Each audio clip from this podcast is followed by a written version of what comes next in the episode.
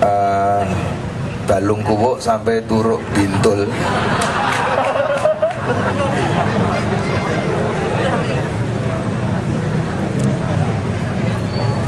Ternyata lidah ini saya juga sering baca tulisan Cak Nun mengejar selera jenis jenis makanan. Malah kita seneng makanan-makanan yang memang tidak bersumber dari alam. Bumi pertiwi itu. Padahal mau terima ngelih tapi enak mangan kira ora krono selera dikejar tapi krono ngelih. Tidur juga sama. Krono ngantuk eh bukan kok mengejar sarana-sarana kasur atau spring bed ora usah. Yo ya galaro pring nak akeh tinggine nak wonge kesel ngantuk kuwi yo malah tinggine kemeng nyokot wonge.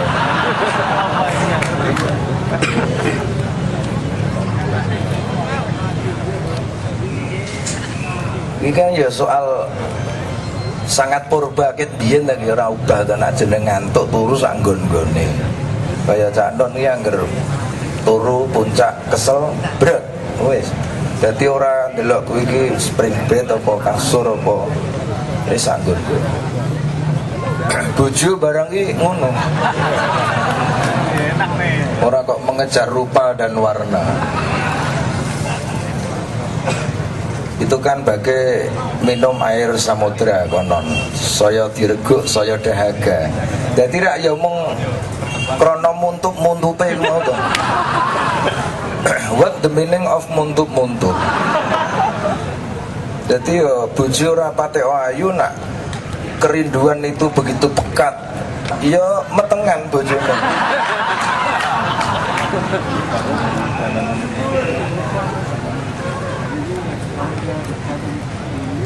Wes apa wae golek ana itu ada revolusi kebutuhan. Di tengah pengejaran-pengejaran selera itu membutuhkan high cost. Biayanya larang lo terima kempitan ini larang lo. Padahal rupa warna itu nak rasa kira ya kempitane padha jajan. Iki sing ra ya ben.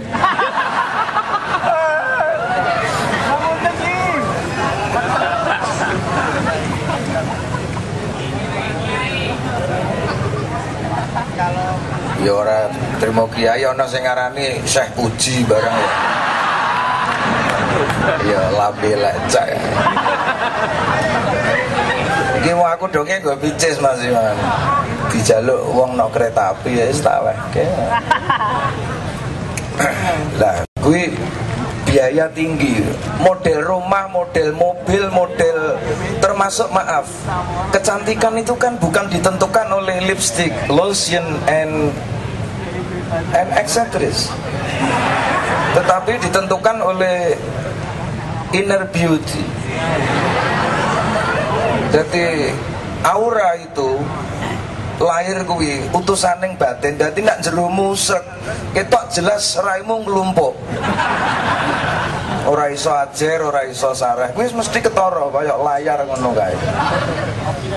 Mula nak hatimu kok resik maka auramu sebening kaca sebening embun ngono kuwi jadi aku dewe ya ora pati oh ini ya saya belajar sama Cak Nun ojo terlalu percaya terhadap make up karena itu bukan sarana kecantikan secara kemenyeluruhan. Kuwi yo biaya mahal. Wes macam-macam nak pas ayu ngono kae, kae regane larang kae. Jadi banyak hal yang bersifat lipstick dalam hidup yang sifatnya sekunder ibu yang sifatnya sekunder diprimerkan. Yang primer menjadi otomatis menjadi kewajiban. Dan ini melingkupi bidang politik kebudayaan sampai agama barang kena kasus wayang ini. Ngono kuwi? Lah iki biaya tinggi. Lah terus nak biaya tinggi ada efek. Apa? Terbentuklah watak yang namanya egoistis dan individualistis Loh iki ana urute mbek Bu Halida. Ini akan memotong mata rantai keguyuban, kegotong royongan. Maka kenapa podo-podo Asia kok Jepang sangat industrial dan egois sementara Indonesia ya beno krisis ning kok tetep guyub kaya kenduri cinta Lho potongan kaya ngene rak potongan guyub iki duit ya urung jelas sesuk dulu ora meh rabi ya ket biyen tilang tilang Nang ya cengenges cengenges ini. Ini potensi yang menurut Dr. Kuncoro Ningrat kuwi wis gawan. Dadi awakmu ki wong Indonesia ki gembel sebagaimana Bung Hatta, kowe ki jeromu ki gawan ana istilah momot cara Jawane. Nak diilmiahke di dalam jiwamu ada orkestra. Ngono. Di tengah orkestra itu apa? Ya beno warna-warni. Kamu jangan kaget terhadap warna-warni. Ngono kuwi, kowe aja kaget macem-macem kowe dididik karo wong Jawa. Jiwamu punya sikap momot. Mula oh, dalam maiyah ini bagai ladang, bagai taman. Silahkan orang datang ke sini. Partaimu apa, agamamu apa, Pokoknya macam-macam kue rene oh, di sini akan kumpul sebuah taman yang menunjukkan estetika yang indah karena kerukunannya kemarin. Lu ini lo, keplok-keplok ini paham bahwa orang.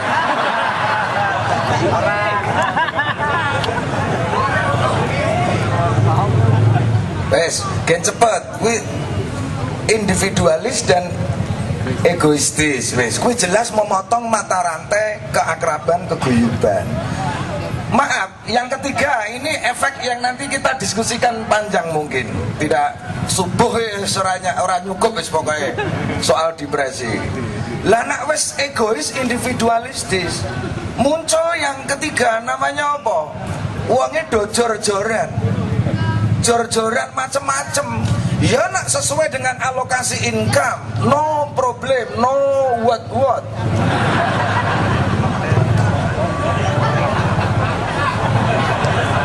Tidak masalah sing jadi masalah ki kegeden mele kurang income. Lahirlah kecurangan-kecurangan dari sisi apa saja itu di sinilah nanti peran agama itu mengambil posisi jadi apa-apa nak kok cekeli monggo ning teknismu memperoleh dan caramu mengeluarkan baru kamu ada yang namanya yaumul hisab.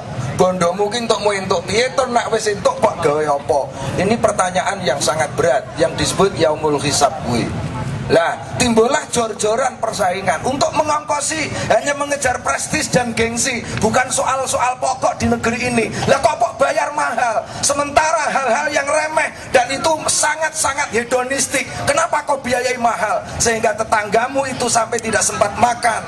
Kalau ketok kenyang rumahmu bagus, punya tetangga yang lapar, maka kunci surgamu kata Rasulullah hilang.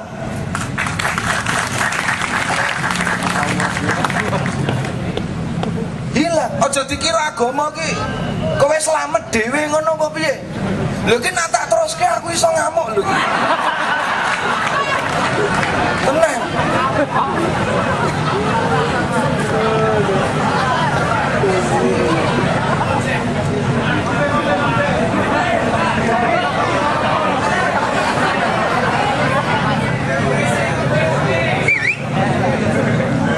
Mula wong Indonesia wong sak donya lah Mas Ian.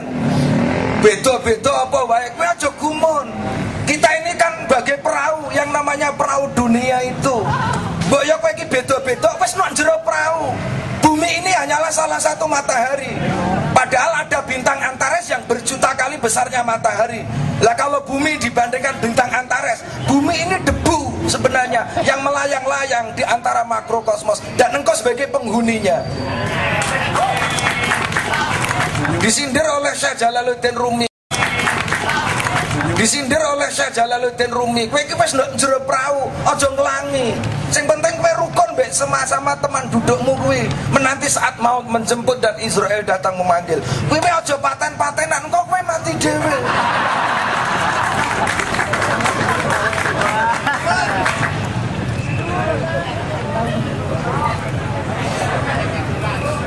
Pidato barang ki aja suwe-suwe. Kowe wis gerang kudu ngerti dhewe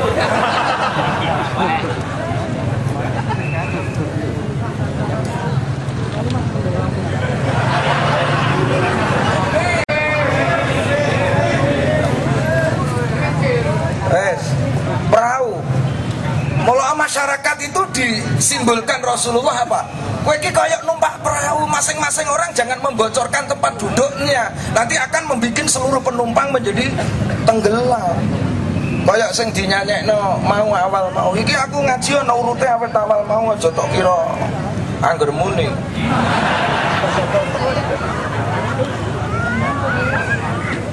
Wes persaingan, jor-joran. Lah, terhadap orang yang imbang dengan income antara pengeluaran tidak masalah. Sing dadi masalah geger ke dadi depresi ke apa toh? Kebanyakan kepengen yang di uh, iming-iming oleh budaya. Satu misal iklan budaya macam-macam itu selalu material ujungnya. Kalau toh iklan hitungnya itu garis itu piro ngono. Nak nonggone TV hitungannya detek harus duit. Kenapa kamu harus bicara selalu melulu uang Apakah anda tidak tahu bahwa di dalam dadamu sak melarat melarati awakmu terselip harta karun yang wujudnya adalah cinta. Gue menengah saya rarti urute.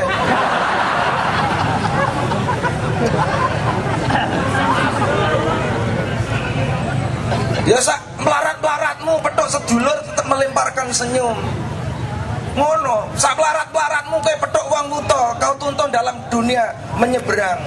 Wih apa urutnya berapa cabang di dalam dadamu yang namanya iman? Itu 70 jenis pekerjaan. Jangan menasehati Nah iso kwetem skijulmu Harus kau lenyapkan dalam kontinuitas itu Maka di dalam hatimu tidak akan terselip tikungan iblis itu. Bagi kamu keplok-keplok dong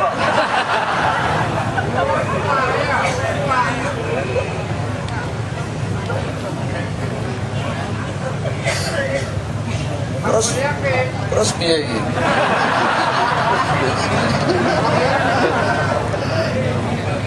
Mula anak kowe nak desa-desa. Iki ketake kowe yo nak Jakarta ndelok potonganmu yo desa, Pak. Kowe aku ndungu to nak langgar masjidmu kampung itu. Wa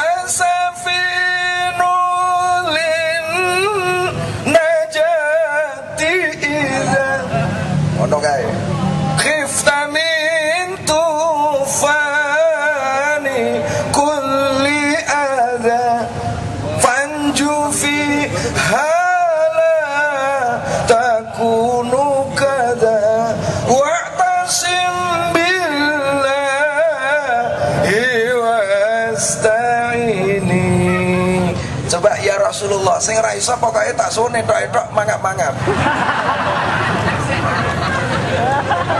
Ayo bareng-bareng. Ya Rasulullah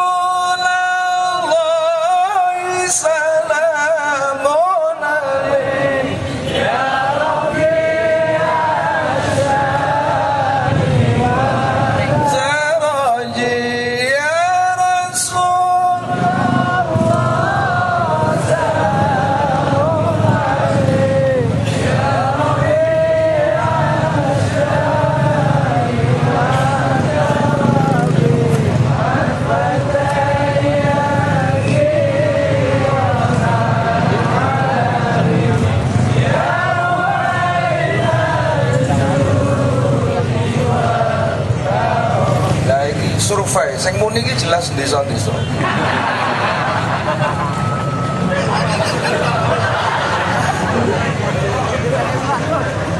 Jadi Rasulullah sendiri dawo, aku iki perahu di tengah lautan semesta, walau gelombang, badai, tofan, hanya satu keselamatan, fanju fiha la takunu kadza. Kowe kudu masuk ke perahu. Itu? Kamu harus berpegang teguh kepada tali agama Tuhan kuwi. Lah dene kok beda-beda agamamu, kuwi terserah.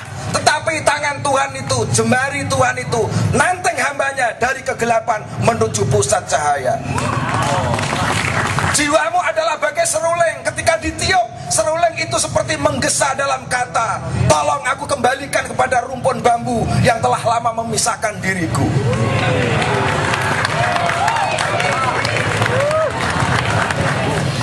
Mula ora kaget kowe iki agamamu apa, kowe iki aliramu apa, ngono ki kowe aja kaget.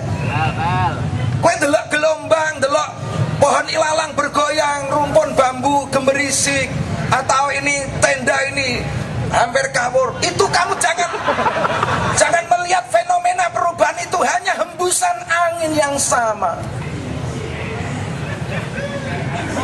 Lo iki butuh keterangan suwe iki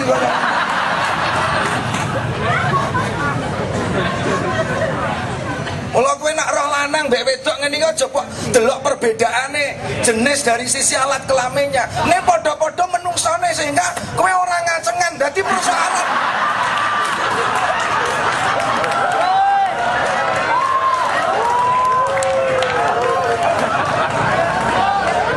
Nak potonganmu delok lawan jenis, kowe kok isine mung nafsumu amarah. Pantasnya kowe dadi kewan. Kewan itu liberal karena kebodohannya. Malaikat itu liberal karena keilmuannya dekat dengan Tuhan. Kamu sebagai manusia, perjuangan antara liberal, antara pengetahuan dan kebodohan itu. Kamu akan melintasi zaman dalam mistar sejarah sampai maut menjemput dan Israel datang memanggil.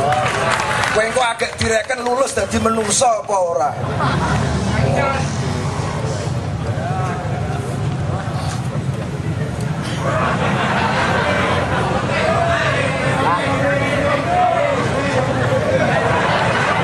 Mula kowe kudu berpegang teguh kepada agama. Ya agamamu apa kono? Karena cahaya jiwa itu digambarkan Cak Nun kayak kowe nyimpen pot kembang no kamarmu, maka kuncup bunga itu akan telolor ke pintu atau ke jendela. Karena apa? Di sana ada cahaya matahari. Kembang we menjulurkan tunasnya pada cahaya. Jiwamu sama dengan dia. Sejauh mana kamu jiwamu itu mendekati titik pusat cahaya. Kue nak gak tutup kono aja kok nyek, gak tutup kono bocok nyek. Justru orang yang pada posisi tangga di bawah, ayo aku tanteng dirimu di dalam kedekatan dengan ilahi itu.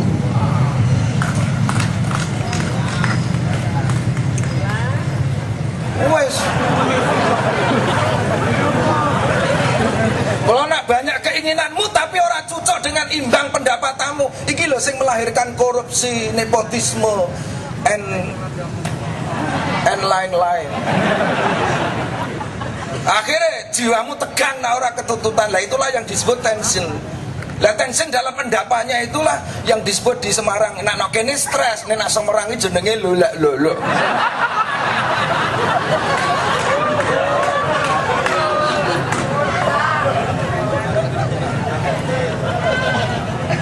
Lah nak kowe ngerti dari angin yang sama, dari tiupan roh yang sama, enak kamu, hanya butuh dua sayap. Nah hatimu kok seneng, itu berarti telah menyentuh surga. Kowe syukur alhamdulillah. Itu bukan karena kreasimu, tapi Allah mengizinkan atas lewat saranamu mengejawantakan nilai-nilai Tuhanmu.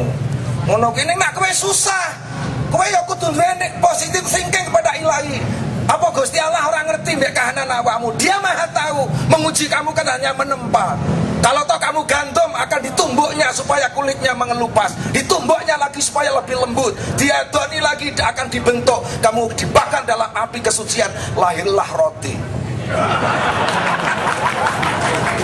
Perjalanan gandum menjadi roti, padi menjadi nasi.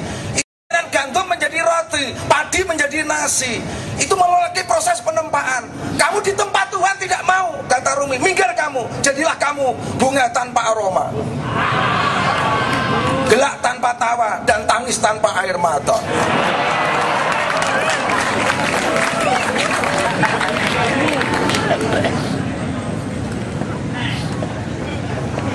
Minum biar digawake rene.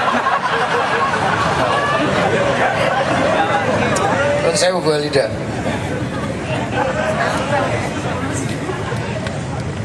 Coba, wong do salah sangka. Mula cak nun bombong awakmu. Ngono carane piye? Abu Jahal kuwi musuh berat. Mula dadine Rasulullah kuwi. Mula nak kahanan Indonesia ini kok menu berat menurut awakmu, kamu sebenarnya akan diangkat setara dengan ujian yang ditaburkan kepadamu. Ojo wedi di tengah puing-puing sejarah kita tata kembali peradaban Indonesia. Ono ora anake Bung Hatta wae iso kaya ngene.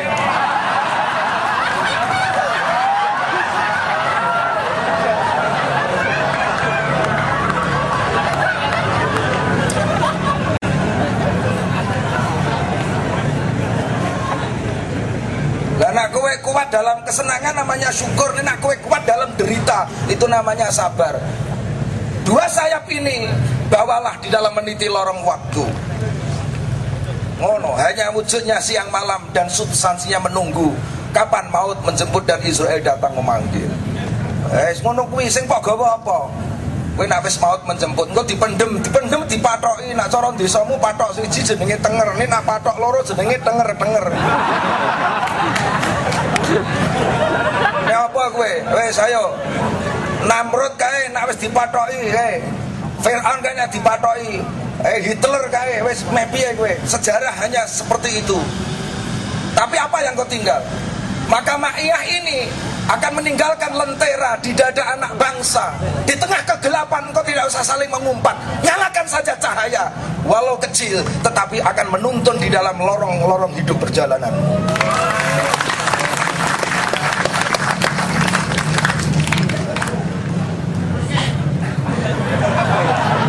Biaya yo angel.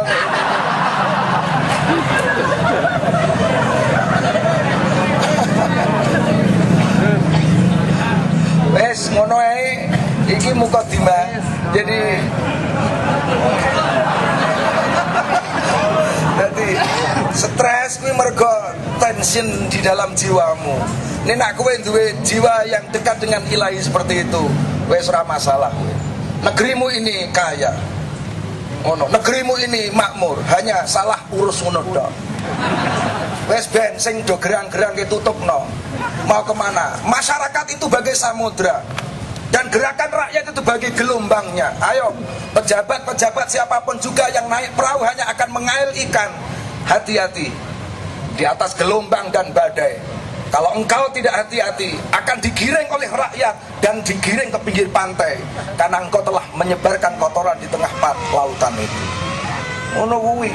Mula aku tahu no, nggone pinggir pantai ini nyaruk-nyaruk botol aqua. Diingatkan oleh orang pelaut, Pak, niku lho nak ajeng ngertos kotoran sing dilemparkan di tengah laut, digiring laut di pinggir pantai. Seperti dia menegur, "Gelo, kowe ngotori aku nyok." Siapa pun yang mati di laut akan digiring dalam gelombang. Mayat-mayat yang tenggelam di kapal itu distorkan ke pinggir pantai gelo. Mayatmu sama rakyat. Siapa pun yang mengotori negeri ini akan digiring oleh gelombang waktu dan rakyat. Gelo kowe nalarmu yang ini iki.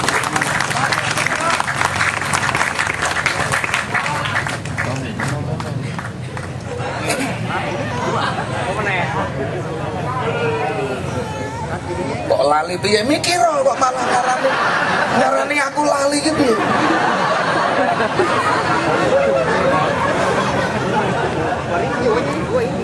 Kalau sekarang nak non usul kue wae sing cerdas. Nak kue ora cerdas akan lahir pemimpin yang tidak cerdas. Nih aku cerdas akan memilih pemimpin yang cerdas. Oh, no. Oh, saya partai saja tidak ideologis. Mergo apa? Sudah ada yang membayar posisi itu, bukan ideologi partai, tetapi siapa yang mampu duduk dengan konsep uang itu. Lah nak ini apa makna ideologi? Assalamualaikum warahmatullahi wabarakatuh. Mana tadi yang tanya? Oh. Eh, Kang. Iki donge jawabane dawa. Dawa banget ning atas kecerdasan. Aku ya niru Cak Nun. Nak sing mbok sebut mau kan amar ma'ruf nahi mungkar. Padahal kata-kata makruf kuwi ana padan katane birun ya ape, ihsan ya ape, terus ana meneh soleh ya ape. Ning kuwi ana reposition nih. Dewi-dewi, kowe kudu pinter. Kalau uang nak pinter kuwi ngerti peta wilayah. Apa meneh kowe cedak Gusti Allah yang Maha Tahu. Kuwi ora bakal depresi ora. Wong depresi kira wong sing pekok-pekok kuwi. Kowe nak cedak mbek wong pinter, wong ngerti, apa meneh moho pinter, moho ngerti. Oh. Matahari tidak pernah menyapa malam. Ngono kuwi dadi srengenge iki ora tau ndelok bengi. Mergo bengi itu ibarat depresi dan kegelapan. Itu sangat-sangat sedikit dan banyak rahmatnya dibanding dengan kegelapan. Kayak pesawat jatuh gitu ya terus tuh ya mung pisan pindo ngono. Ning wong ora tahu berpikir pesawat terbang dan landing dengan selamat itu peristiwa dahsyat. Ning ora kok renungkan. Sing kok renungkan mung pesawat tiba siji loro ngono kuwi. Nah berarti apa dokter ya ana ning apa ora sampai kuburan. Ngono kuwi. Dadi kowe kudu cerdas sithik ngono lho. Nak makruf kuwi definisine ae perkara sing menurut syariat kuwi benar kuwi lakonano. Lah nak menurut syariat kuwi kok ora apik ya cegah. Lah saiki aku takok, mau syariah. Wong sing do ngomong syariah kuwi kowe tutup ngendi memahami syariah kuwi? Wong mulai senyum juga syariah sampai afdharul zikri la ilaha illallah. Kuwi ya syariah. Jihad kuwi ya rinciane awet kowe becak. Gitu, kuwi temen kok mau mikir anak bojo kuwi ya wis jihad. Ning nak butuhke perang wong kok bela anu diserang. Kowe ya kudu bela dalam pengertian jihad pakai perang kuwi. Ah ning mak kowe ana asu mlebu omah kok njur carane omahe pok obong. Kowe iki sing peka. Ya mestinya digoleki asune wae. Aja ngobong omahe. Negeri ini ibarat rumah, ada anjingnya. Buru itu anjing, jangan kau bakar itu negara. Yang?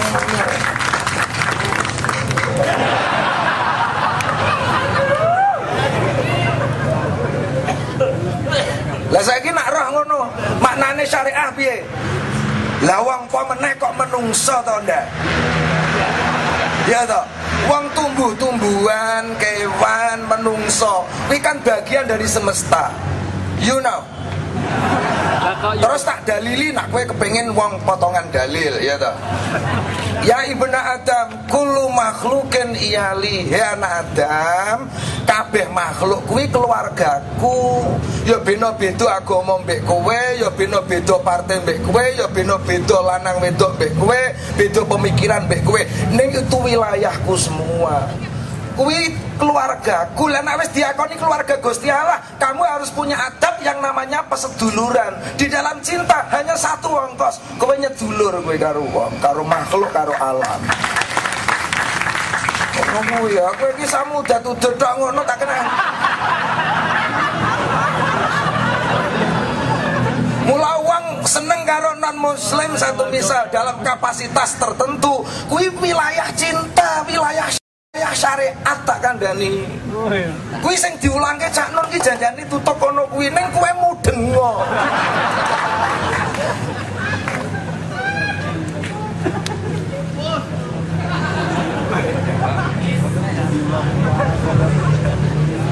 Wes paham. Jadi nak ana teritoriale. Mar aminkum mungkaran fal yughayyiru biadi. Kowe nak dadi polisi, dadi militer sebagai balung negara, wis atas kesepakatan konsensus nasional. Ngono awake dhewe kumpul nang Nusantara kuwi atas musyawarah, atas konsensus. Wong Islam dhewe aja menyalahi konsensus kowe. Oh no, nak berarti kue kok nak nyalai konsensus berarti nerak benernya wong akeh. Nek nak kue menurut benermu dewe monggo meh muni muni sakarepmu, kue wilayah personality dalam dirimu. Please. Kue nak meh udah nak kamarmu dewe meh meledeng meh piye monggo. Nek nak kue metu nak jobo, aja kok anggap jobo ki kaya kamarmu dewe. Ambok kiai nyawang kaya ngono mak perpet mudeng ora kowe. Pemeneh Iwan? Pengantin baru. Ono wilayahe. Ngono kuwi kuwi nak kowe polisi mula kowe nak roh kejahatan.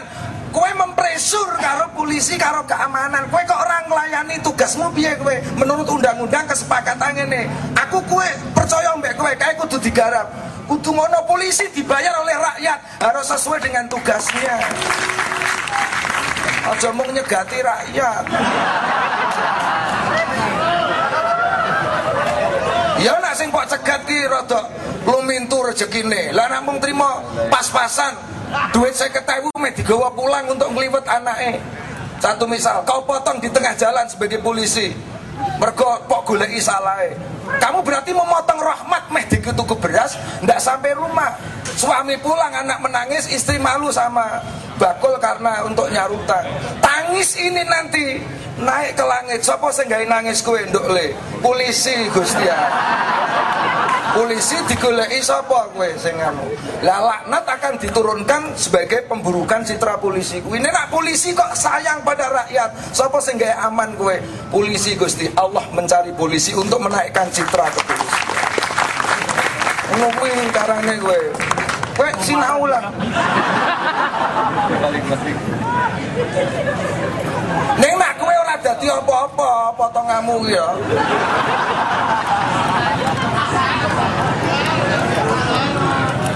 Potong aku barang ini rada apa-apa. Ya wis ngene iki lah sering. Kowe nak iso mbok nulis. Syukur kowe iso gawe kebudayaan. Melawan budaya kowe iki aja kok kanggo perangi model jihad sing ora wewenangmu. Lahirlah kerusuhan. Citra agama kebaikannya tertutupi oleh kehendak burukmu itu tak ceritani lah mungkin kau diulas Gusmi Gusmi ini tahu nonton dangdut Gusmi Allah makfur lah. Nonton dangdut apa njur Gusmi mengutuk penonton? Bukan. Ya Allah ini toh menonton penyanyi saja yang demikian kok hatinya sudah bergembira. Ya Allah aku bermohon kepadamu hati-hati orang penonton ini. Andai melihat wijahmu wijah kekasihmu alangkah bahagianya melebihi dari menonton hal-hal seperti ini. Ngono saya ini lembut ngono kuwi. Udeng ora kuwi jenenge lewat kebudayaan. Mula cak nun kaya ngene iki membayar counter kultur. Gen apa? Gen orang nganggo cara kekerasan. Oh no, kowe nak merangi kebudayaan kudu kowe duwe alternatif budaya, aja kok fatwane tok.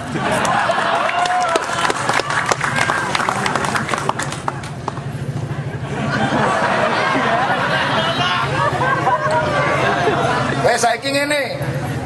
Sering dicontohke Cak Non, azan gitu azan. Tidak perkara sepele tok no kampungmu. Nak iso mbok wong non muslim iki ndungokke suaramu wis seneng. Lah nek azan ora diolah ya bener-bener menurut teks wong mbok Islam iki ndungokno suaramu wis bededek mergo bener ya ta ora salah ning tidak indah di telinga manusia. Aku tahu nak Solo ndungokno azan ngono nak musola pas ngaji di sana. Azannya wis bener tak sema Ning estetikanya yang tidak digarap Ah, rada orang nyentak-nyentak kae. Allah Akbar. Allah Akbar. Asyhadu an la ilaha illallah. Jajal ngono iki kupengmu dhewe piye rasane?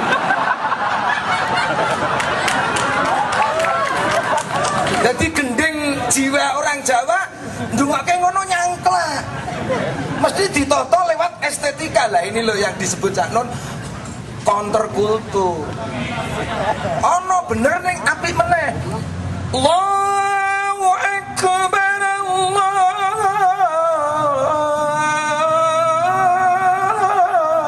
akbar. Iki suaraku nomor telu.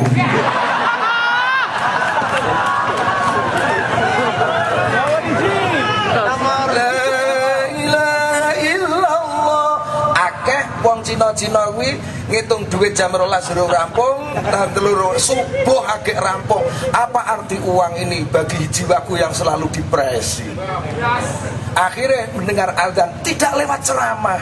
Mendengar lembutnya azan dari hati dodok hati. Karena hati itu cermin. Ketika engkau serahkan seluruh cinta yang kau cintai akan memantulkan seluruh hatinya kepadamu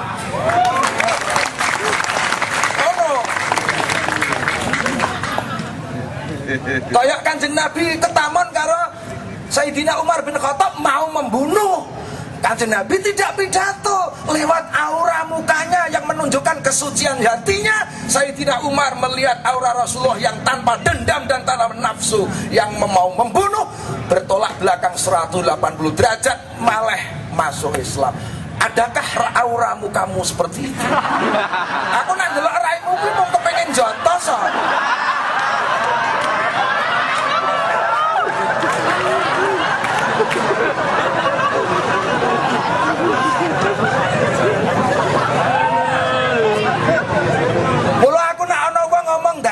Ngomong ndaki-ndaki teoritik teori kuwi ya ora salah ning untuk ngunyumet cahaya-cahaya kuwi wis ana matahari rek kamu jangan menyalakan lilin Kowe aja minteri Gusti Allah. Kowe iki mung praktek kok wae, amalno action actionno.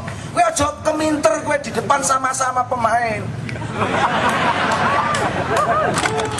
Lah wong kowe iki main bal-balan ora wasit nggawa sumbritan. Lah Anda bayangkan setiap pemain kok nggawa sumbritan. Kowe iki ora berhak menghakimi. Ngono kuwi posisimu apa sih? Lah nek ora ngono kae nggon perlontean piye? Nggon prostitusi, kowe kudu kuat ibarat dokter ndelok molo, kowe kudu kuat. Karena apa? Keburukan itu adalah kebaikan yang belum terkuak kulitnya. Aja keplok-keplok sih urung tutup. Lah ngene ndak? Terkuak kulitnya itu ada dua pendekatan. Nak kowe cerdas, kau pecah sendiri itu. Keburukanmu itu lewat apa? Nak wong pondok lewat riado, nak kowe lewat penempaan-penempaan. Neng nak kowe dinteni kok tidak mampu memecah hawamu sendiri. Tuhan nak sayang mbek kowe ambil tangan. Kamu mestinya dibenturkan dengan sebuah realitas. Mula wong nak dibenturkan dengan sebuah kesulitan, begitu meledak keburukannya jembur ya Allah dalam hitungan detik kamu akan menyebut Tuhan. Lah milendi kue nak pekok ya sing nomor loro mau. Nek nak kue cerdas mikiro nganti kue nyebut dewe mula oh, menangis dalam rangka. Syukur itulah yang indah bukan karena derita dan sengsara nestapa. Kalau kue kudu telaten mas. Gen kuat hatimu. Ngono kuwi. Keburukan adalah kebaikan yang belum terkuak kulitnya. Kowe nek wis terkuak sing nentokno ora kowe, Mas. Orangnya itu sendiri sebagai pelaku. Ora kok kowe pak ukur lah rata pak ukur lah rata-rata do diukur wong-wong kuwi lah kowe salah kowe salah kowe salah miturut kanjeng Nabi nak kowe ngono caramu kowe dhewe sing salah kowe kafir kafir kafir sing ngomong kuwi sing kafir Wah, kowe nak dudoi ngene gila kowe karo awake dhewe. Apa dikira kowe ngaku muslim ora nyembah berhala? Berhala kira mergo ora watu kuwi. Berhala dalam hatimu yang berwujud sifat tercela, itu nak diketokke gilani kowe. Mula Rumi terang-terangan wong menyembah berhala dengan tingkat mencari di hatinya lebih baik daripada orang duduk di masjid tetapi merasa suci bagi dirinya sendiri. Ngono kuwi kowe, tak.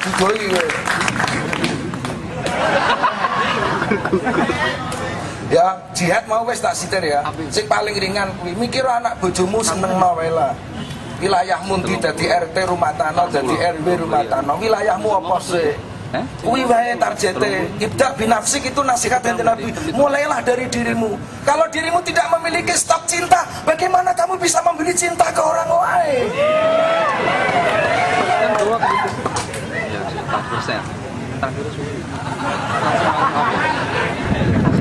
Persen mungkin ini sama tuh sih Wes saiki tak tutup. Muka dima kedua nih. Tak tutup ya. Kowe nak ngaku wong iman, tak dudoi rumuse. Kowe ora direken sempurna imanmu selagi kowe nganggep wong liya kowe sayang kaya awakmu dhewe. Iki ukurane iman kok kene. Padahal wong iki sedulur kabeh dalam kapasitas tertentu. Jantung hati orang lain itu adalah jantung hatimu juga.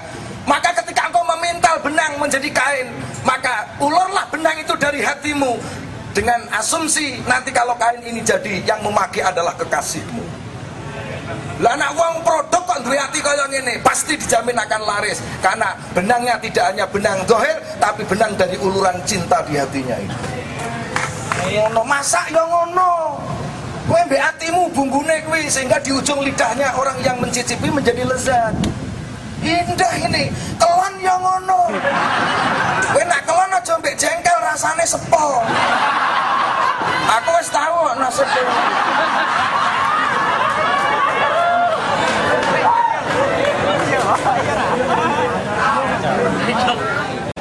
Wis tak ler-ler tok ndi-ndi to kuwi. Ayo, apa wae ayo. Mula kudu ngerti peta wilayah teritorial. Wih bahasa kewalian walaya sejauh mana? Oke, thank you. Assalamualaikum warahmatullahi wabarakatuh. Mudah-mudahan kita pulang nanti benar-benar ada metodologi yang sudah terbangun di dalam pikiran Anda sehingga semua yang dibicarakan oleh Bu Halida sama teman-teman lain itu online dan terus dicerdasi oleh pikiran Anda sehingga menjadi komitmen, menjadi ideologi dan menjadi cinta kasih Anda untuk memperjuangkan semuanya untuk rakyat Indonesia. Beliau ini aslinya caleg Gerindra, Gerindra, tapi KC ini tidak peduli mau Gerindra, mau Hanura, mau Golkar, mau, mau apa saja, KC bertanggung jawab untuk memberi kebebasan kepada semuanya. Dan beliau ke sini menyatakan kepada saya, dia sebagai orang yang pernah mengalami apa namanya hidup bersama dengan seorang founding father sehingga beliau ke sini lebih utama sebagai putrinya Bung Hatta jadi jadi uh, terbuka dan tidak ada masalah. Nomor dua, saya datang ke sini juga dengan Mas Simon Hate. Kalau anda kemarin nonton tikungan iblis segala macam, sebenarnya think tanknya antara lain dia ini yang filosofnya teater dinasti Mas Simon ini. Dia hampir 20 tahun menjadi karyawannya PBB untuk urusan pangan. Mikir makanan sehingga dia tidak sempat makan sehingga kurus. Dan kalau Anda ingin memahami apa yang disebut depresi, itu Anda tidak perlu repot-repot pandanglah wajahnya Simon, saya kira Anda paham apa depresi itu. Nanti baru kita ajak omong karena Simon ini Simon adalah orang yang pernah memberi statement yang terindah mengenai Muhammad SAW di depan saya. Dan saya belum pernah mendapatkan statement mengenai Muhammad seindah dia dari Imam Syafi'i, dari Imam Ghazali, dari imam mana pun melebihi yang Simon pernah nyatakan. Tapi itu syaratnya harus saya menyediakan empat botol bir dulu. Kalau belum empat botol bir dia belum keluar makrifatnya. Ya. jadi hidup itu sangat luas. Jadi kalau ada orang mengharamkan Simon minum bir itu saya bisa pahami tetapi saya bilang sama dia Ya tetapi kita dapat kerugian besar kalau Simon kita larang karena hanya dengan cara itu maka filosofinya yang tinggi dan makrifatnya keluar. Jadi ya tinggal pilih milih makrifat apa tidak minum bir kan begitu kan. Itu Mas Simon. Simon ini seorang dulu mahasiswa filsafat dan harus tidak selesai supaya menjadi orang yang cerdas. Kalau diterusin sarjana filsafat nanti malah tidak cerdas dan malah agak gila. Jadi dia motong di tengah jalan. Kalau yang di sebelah kanan saya ini Mas Bambang Istinugroho, dia saya pernah sering menyatakan kepada dia bahwa saya salah satu yang saya tidak ikhlas di dunia adalah bahwa dia pernah dipenjara oleh rezim Soeharto dulu 8 tahun. Jadi Mas Isti 8 tahun di Cipinangnya Jogja yaitu Wirogunan. 8 tahun. Sudahlah di penjara Kehilangan pacar. Uh, Tapi dia Tidak, tidak kehilangan iman. Tidak kehilangan iman. Masih tidak kehilangan iman Masih bahkan mendapatkan wisdom yang luar biasa Dengan pengalamannya. Saya tidak tahu akan akan harus bicara apa dan dialog apa dengan beliau berdua tapi intinya adalah kalau anda ingin tahu salah satu teman dekat saya adalah mereka ini Nomor dua, saya ingin yang saya sebut online soal depresi tadi, saya saya ingin kita ngerekap dikit aja secara skematik ya. Jadi depresi itu harus Anda pahami melalui dua kata yang lain dari bahasa Inggris yaitu opresi atau oppression, kemudian suppression, baru ada depressed pakai ed ya. Depress itu suatu situasi pelengkap penderita, satu situasi yang tertimpa. Jadi ada sesuatu yang melakukan oppressing, penyerbuan, penekanan. Kalau suppress itu menek, nak cara Jawa ini menek apa ya? Kayak ya buti karo bojone dipenek ngene iki. Ah, sampai ah.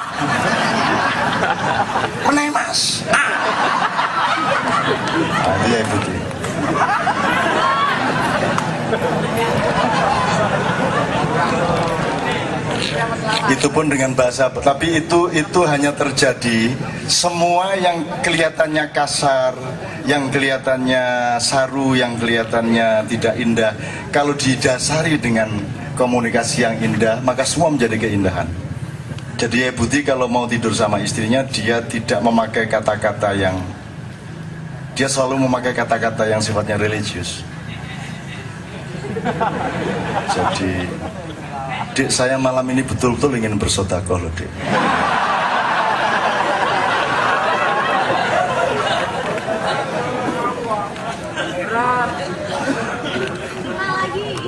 Kadang-kadang mau sodako anaknya masih masih nangis terus istrinya harus menidurkan anaknya gitu kan. Terus baru sudah optimis wah sudah tidur satunya nangis lagi lah anaknya delapan. Jadi, akhirnya begitu sudah sudah selesai anaknya tidur semua terdengar Allahu Akbar Allahu Akbar. Adzan subuh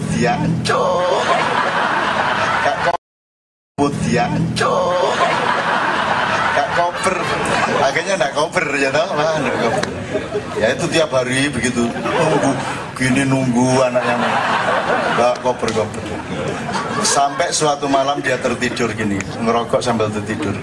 Terus dibangunin istrinya jam setengah tiga malam. Mas ajeng sodako mboten. Terus gini dia ayo sodako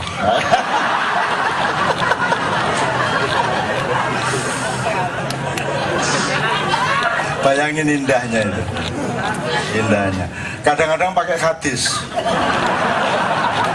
Jadi ketika selesai Fathul Makkah ketika seluruh pasukan Abu Jahal ditaklukkan di tali tangannya dibariskan beribu-ribu di depan Ka'bah Rasulullah kemudian berpidato inna ya ayuhan nas inna hadza inna hadzal yaum laisa yaumul malhamah walakinna hadzal yaum yaumul marhamah wa antumut tulaqa.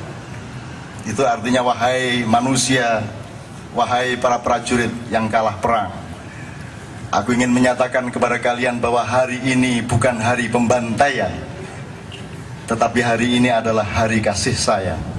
Dan engkau semua aku bebaskan Berdiri semua Kemudian prajurit Islam mengurai talinya Bahkan kalian tidak hanya aku bebaskan Kalian tolong antri lewat pintu sana, pintu sana, pintu sana Dan kalian sudah ditunggu oleh onta, kambing, dan harta benda lain Yang akan dibagikan untuk kalian semua Itu kan? Jadi itu luar biasa, itu Valentine Day-nya Islam. Jadi hari kasih sayang yang, yang luar biasa. Kemudian, tapi masih ada prajurit-prajurit Islam yang masih mengasah-asah pedang, karena kan bertahun-tahun mereka perang. Terus Rasulullah datang, ngapa iki unggal-unggal? Eh.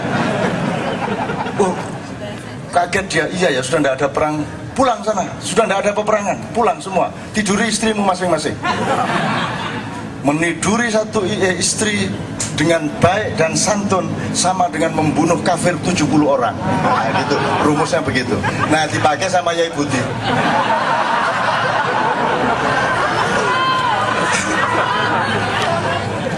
Kalau anak sudah tidur, Dek, saya sih maunya langsung 140, Dek.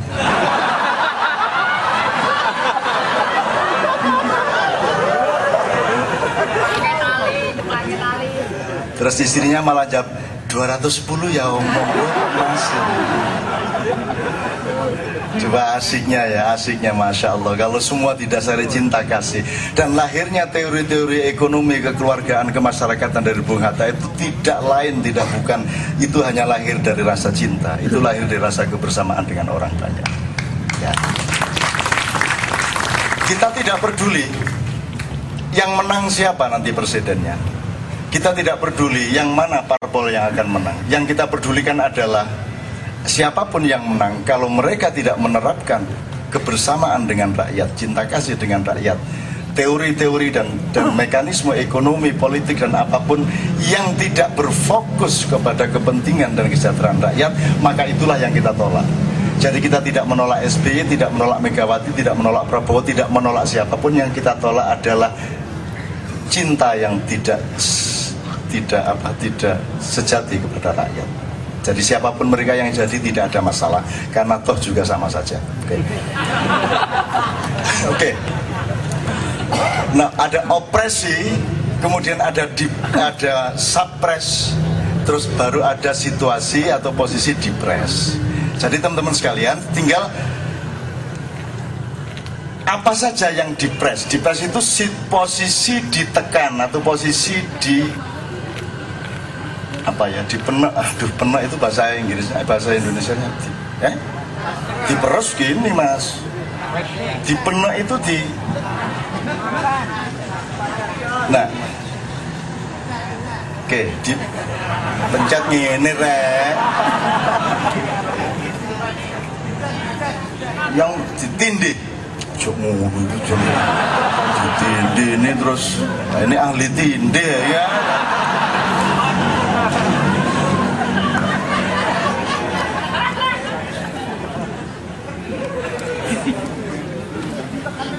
saya dulu memang menyarankan ya ibu Tini aslinya pemain teater. Dan dia pernah uh, workshop teater ikut teater dinasti di Semarang. Tapi saya menyarankan dia diam-diam meskipun Mas Budi ini uh, actingnya bagus tapi saya sarankan coba mulai belajar dan merintis untuk jadi kiai. Itu satu strategi yang saya susun sejak dulu. Nek gak dadekno kiai mblaeni arek Wong dadi kiai bojone prucal, prucul utawa muana. Baru mulai oek-oek meteng meneh. Oek-oek meteng meneh. Walah.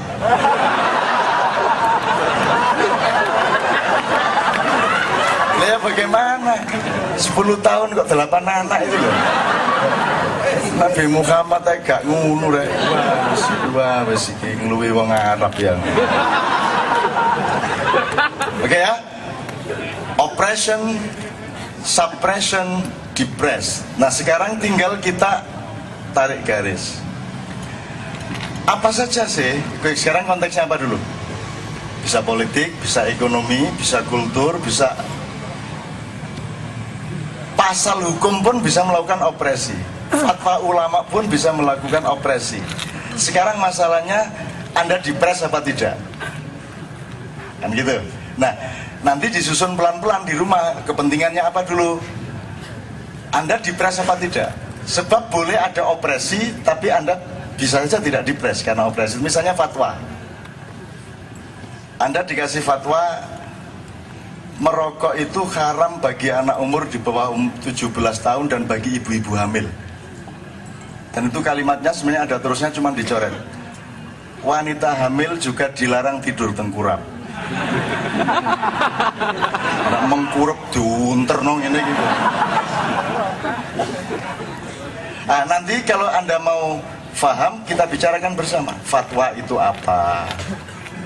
Posisi posisinya itu sama dengan hukum apa tidak ranahnya di mana siapa yang berhak memberi fatwa yang berlangsung dengan ulama kita kemarin itu fatwa atau bukan itu kita kita analisis tapi yang pasti saya melihat orang pada dipres karena fatwa itu kenapa dipres lo gitu aja kok lo ambo ada seribu fatwa lagi kenapa anda harus dipres Nomor satu karena Anda tidak mempelajari fatwa itu apa.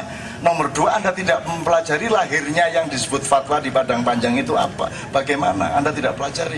Nomor tiga, lo, ya kan Anda bisa bikin fatwa sendiri. Gitu loh. Nah, nanti kita pelajari kalau Anda memerlukannya. Tapi monggo, serah Anda. Nah, nanti saya akan bisa ceritain macam-macam soal itu. Terus yang penting nanti kita cari apa namanya. Anda ini mengalami depresi apa saja.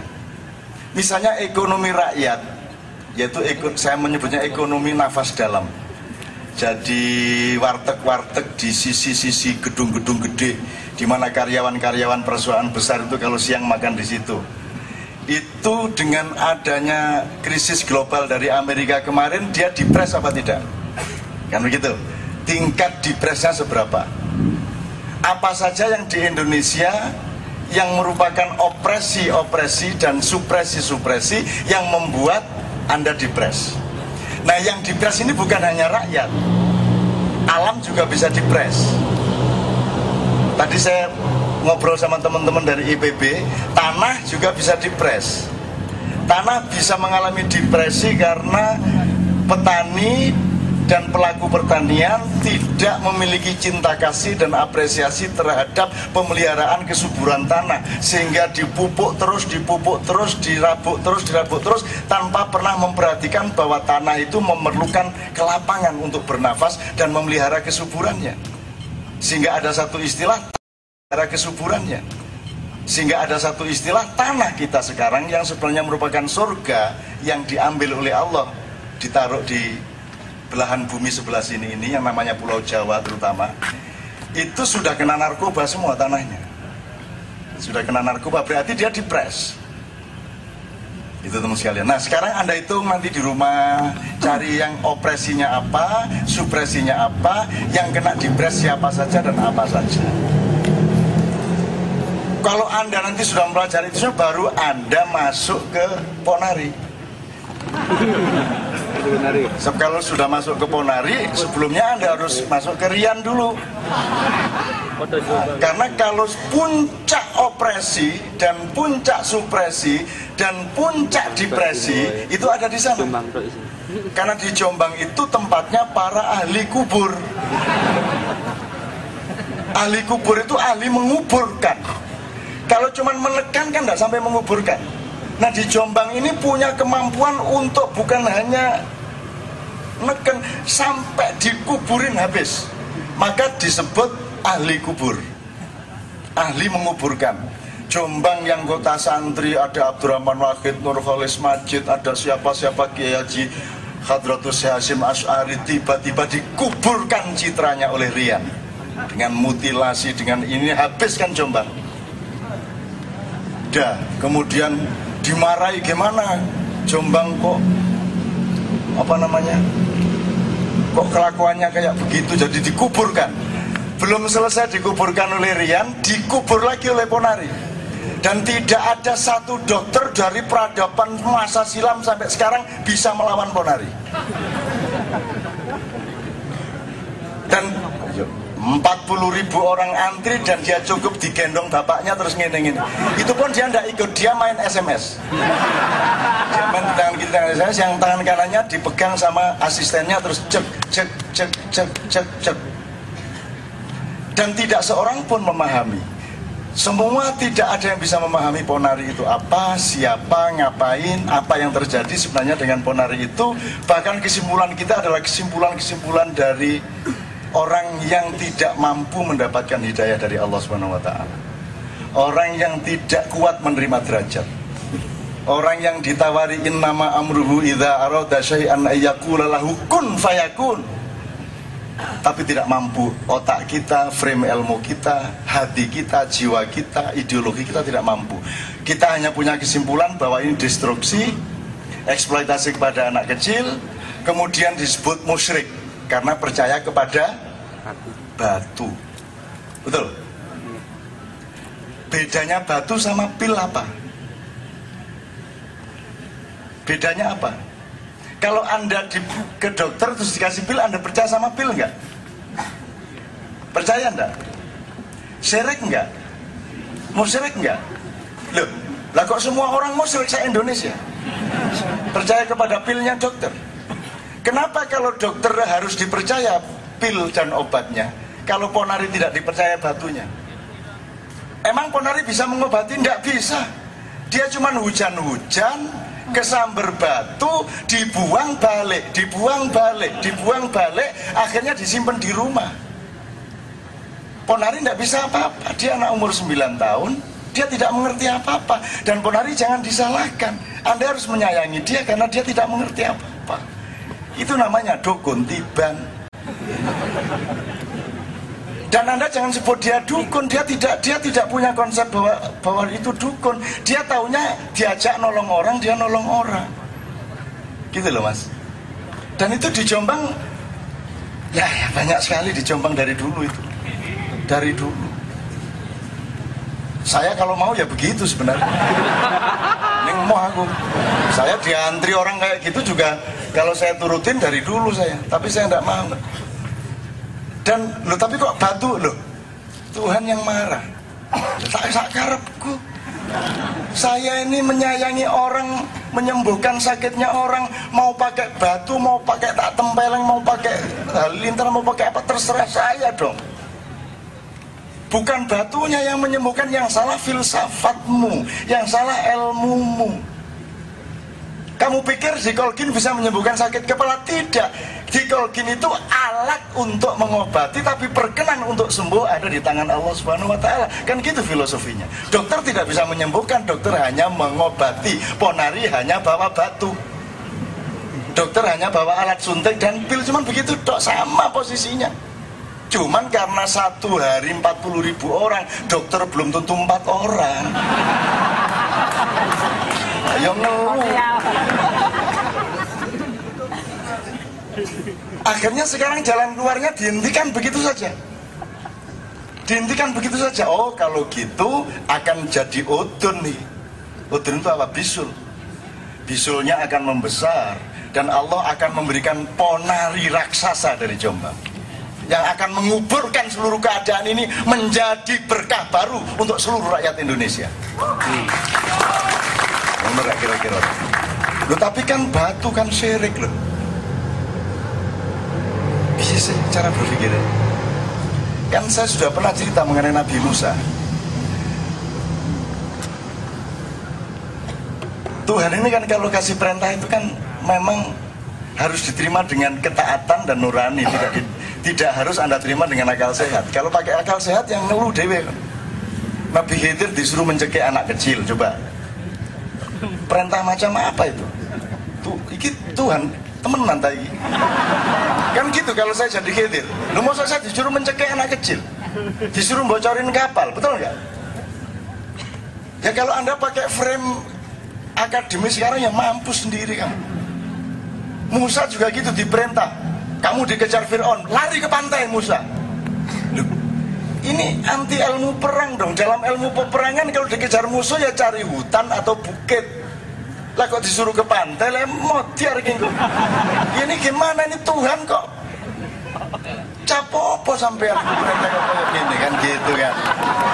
Nah tapi Musa tidak bereaksi ilmiah. Musa hanya Sami. Nah nanti begitu sampai di pantai, Tuhan kasih perintah kedua, idrib bi'asokal bahar. Pukulkan tongkatmu itu ke laut. Bahar. Tidak, idrib bi'asoka. Pukullah dengan tongkatmu laut. Kalau yang hajar itu yang batu kemudian memancarkan air itu hajar itu air kalau bahar itu laut Bahrudin itu lautnya Kama, kalau Brakotin itu kalau itu Mudin di tempat saya. Terus nanti ilmuwan mengatakan oh tongkat itu kalau dipulkan dipulkan di air terus airnya membelah. Kesimpulan ilmiah gitu kan? Empiris kecelek kan? Itu membelah ya pas itu dok kalau besoknya Musa ngena ngene yo. Yo gak belah-belah banyune kok ojo goblok itu berlaku hanya ketika Tuhan mengendaki air terbelah ketika dia memerintahkan terbelah. Jadi bukan kesimpulannya adalah tongkat itu bisa membelah air laut. Salah. Batunya ponari bisa menyembuhkan orang. Salah. Tapi bahwa orang sembuh itu bukan karena batunya tapi karena perkenan Allah. Betul enggak bahwa air membelah bukan karena tongkatnya tapi karena perkenanan Allah. Jadi syirik tidak syirik tidak tergantung batunya, tidak tergantung tongkatnya, tergantung benar nggak konsepmu mengenai apa batu dan siapa Allah. Kan begitu.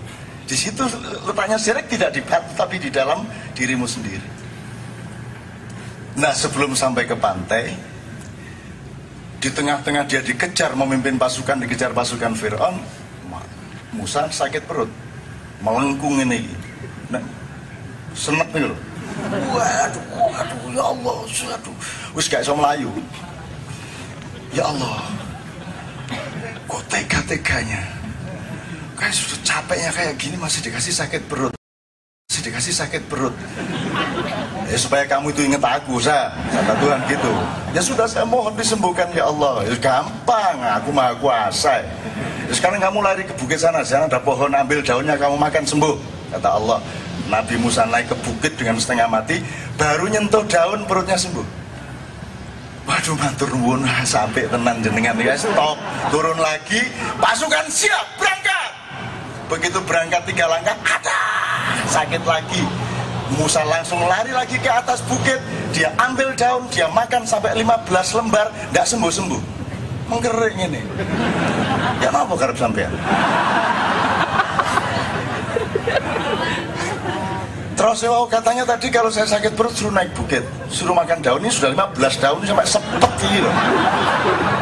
Kok enggak sembuh-sembuh? Gusti Langgu Cekikian. Wasar Nabi goblok. Katamu kata Allah gitu ya itu itu cara ludruk menceritakan. Bukan bener-bener Allah ketawa enggak. Yaitu cara ludruk rek. Jombang rek. Tak kubur temen-temen Sa, yang bilang daun menyembuhkan perutmu itu siapa? Ya, tadi katanya suruh naik bukit loh. Saya tuh mau nyuruh kamu naik bukit, mau nyuruh kamu selulup, mau nyuruh kamu benturkan kepala ke batu, terserah saya. Cara saya menyembuhkan tuh terserah saya. Mau pakai daun, mau pakai batu, pakai apa terserah saya. Dan yang menyembuhkan kamu itu bukan daun, bukan batu, tapi otoritas saya. Jadi tahu nggak bedanya kamu waktu sakit perut pertama sama sakit tahu sakit perut kedua? Yang pertama kamu ya Allah berilah aku kesembuhan. Yang kedua kan kamu nggak minta, langsung menyelorot melayu mendokong, nggak jaluk kok. Karena kamu seperti dokter-dokter dan ilmuwan modern besok-besok. Kamu pikir kalau aku memerintahkan ambil itu daun Terus kamu menyimpulkan konklusi titik dua Daun menyembuhkan sakit perut. Goblok.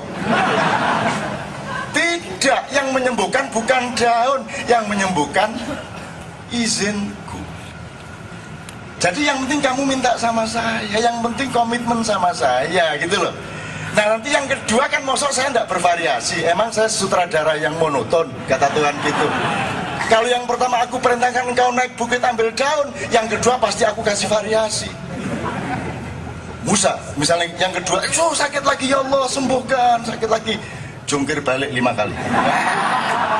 Bener kan? Begitu jungkir balik sembuh. Kan gitu. Kalau saya Tuhannya malah tak suruh jalan jongkok 2 km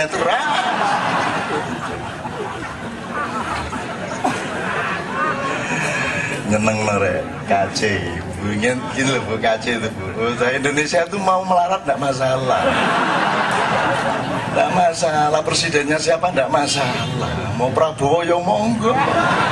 Mau Sutioso yo kono. Goblok-goblok kok dewi lek-leken dewi. Tapi mereka bergembira. Kenapa kedelai kok impor wah wow, tahu pertanyaan nih ada menteri ekonomi enggak ada menteri perdagangan enggak? Enggak ada toh? Kalau gitu jangan menjawab sebagaimana menteri perekonomian menjawab. Jawablah sebagai rakyat yang harus bergembira. Kalau saya sebagai rakyat jawabannya mudah. Loh saya disuruh nanam sendiri. Soge kan nyandur. apa? Dele. Ya saya tinggal beli aku soge jeragan kok. Saya majikan kok suruh tanam itu loh. Ya sudah di sana yang negara-negara miskin tanam kedelai, kita yang beli. Kita orang kaya kok. Itu jawaban rakyat. Ya daripada kamu seharusnya ada polisi, seharusnya ndasmu gak ono sing gelem sing itu. Nanti kamu stres sendiri nunggu, jawablah secara rakyat. Tuh suge kok. Enggak masalah, mungkin kita orang kaya kok. Kok kita suruh jadi pengrajin, bikin meja sendiri, bila kita kaya, kita tinggal beli dong majikan kok. Jadi gimana jawabnya? Kalau saya jawabnya begitu. Lo kecuali saya di sini sebagai menteri perekonomian. Saya akan jawab dengan policy. Lah saya rakyat kok. Yang jawabnya yang penting aku mari jawab langsung seneng. Lah rakyat suruh nunggu berapa kali perubahan kekuasaan. Sekarang juga harus gembira dong. Jadi Anda jawablah secara rakyat, jangan gimana ya? Wah, goblok duduk menteri wono gak payu. Wis jawab aja seneng. Gitu dong. Sama dengan olahraga kalah, ini kalah, kalah itu jawablah secara rakyat. Loh, kita tuh kapan kalah? Tidak pernah kalah. Kita itu ngalah. Coba, masa kita suruh menang lawan Oman? Oman tuh negara, Sak. Kabupaten. Wedang Sikoteng di sana ndak ada. Ketoprak ndak ada. Rawon ndak ada. Tanah Abang ndak ada. Sudahlah hidupnya kayak begitu terus sepak bola kita kalahkan. Kita kan ndak punya kebesaran. Lu wae jawab. Ngalah dong. Ngalah ndak masalah. Usah nolak wis negara cilik mosok kene. Kita negara segedenya segini kok. Masa masih mau mengalahkan di bidang sepak bola? Ndak apa-apa kalah aja. Kalau perlu kipernya di kursus begitu. Penyerang datang. Mari silakan. Monggo mas. Monggo. masuk. Eh masukkan lagi Ae kok repot. Lo orang Indonesia kok disuruh sedih ndak bisa. Israel tuh mau nyerbu-nyerbu Gaza sebenarnya kalau presiden berani bilang, "Eh, jangan nyerbu Gaza, jangan berani sinnya sama anak kecil, serbu Pulau Jawa." Silakan pilih Jakarta, Cirebon, Banten, Bandung, Semarang, Jogja, Surabaya, Jember, serbu sini kalau berani. Ayo kalau Israel berani ke sini serbun. Cak, tentara Indonesia itu nggak punya senjata loh Cak. Jangan nantang-nantang. Pesawat tempur kita itu cuma 6 loh Cak. Sementara Singapura aja punya 560 lebih. Malaysia itu 360 kita cuma punya 6 lawan Israel kita kalah. Tentara kita itu satu orang hanya dapat tiga peluru untuk latihan dalam tiga bulan. Berarti tulung wulan turu. Terus tangi oleh tulung peluru. Dar dar dar. Turu meneh terus suruh perang lawan Israel. Cak, jangan sembrono, Cak. Saya bilang, yang bilang suruh ke Indonesia terus dilawan tentara itu siapa?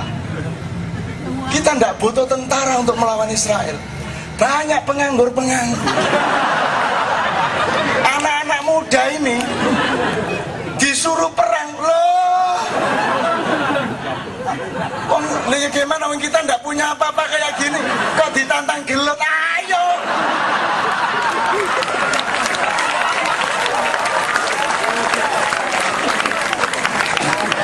Iya toh?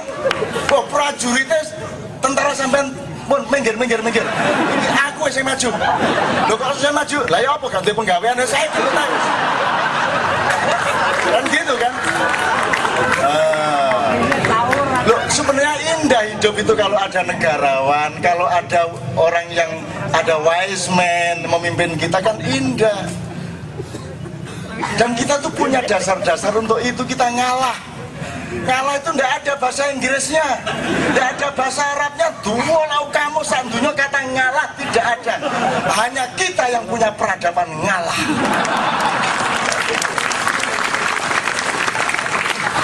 Nah nanti kalau Prabowo nggak jadi presiden, emang aku ngalah. Gitu aja kan selesai. Loh, emang ngalah itu apa? Loh jangan remehkan kata ngalah. Ngalah itu asalnya dari ngallah. Oh. Mengallah. Loh. Serius itu. Segala keadaan yang menderi, membuat kita menderita kayak apa pun, kita Allahkan kita transendensikan, kita eliminir ke atas sehingga semua menjadi berkah dan kegembiraan. Loh, ngallah. Jadi ya tak karang-karang. Ya, tapi nggak ada di seluruh dunia wong guyu kayak gini ya. Sudahlah ndak bisa bangun ndak apa-apa, ndak becus jadi presiden ndak apa-apa, sudah ndak apa-apa wis gak iso dadi wis gak iso gak apa-apa pemerintah gak becus gak asal bisa bikin orang ketawa udah cukup. Gitu loh, sudah lumayan kayak gini. Ngalah banyak di Indonesia nekat mana? Bahasa Inggrisnya apa mas? Ayo. Nekat. Bahasa Arab eh Naked. nekat gandul gandul ya. Nek nekat. Amuk ya, ya amuk. Tapi nekat itu kan dasar. Dasar itu peradaban bukan hanya sikap pribadi itu peradaban. Ya juara nekat ya bonek. Dan sebenarnya KPK ya bonek. Emang gajimu cukup? Cukup? Nek dihitung secara ekonomi cukup duitmu? Nggak cukup tapi drone saya tidak pernah melihat di Amerika di Eropa orang segembira anda uang belum tentu dapat 200-300 ribu sebulan berani kredit motor. Bagaimana? Bisa dilawan bangsa seperti itu. Loh kamu kok istrimu hamil lagi? Apa itu? Apa itu? Nekat toh? Nekat. Sikat dulu urusan belakangan. Nah, itu. Kan itu kan di Indonesia.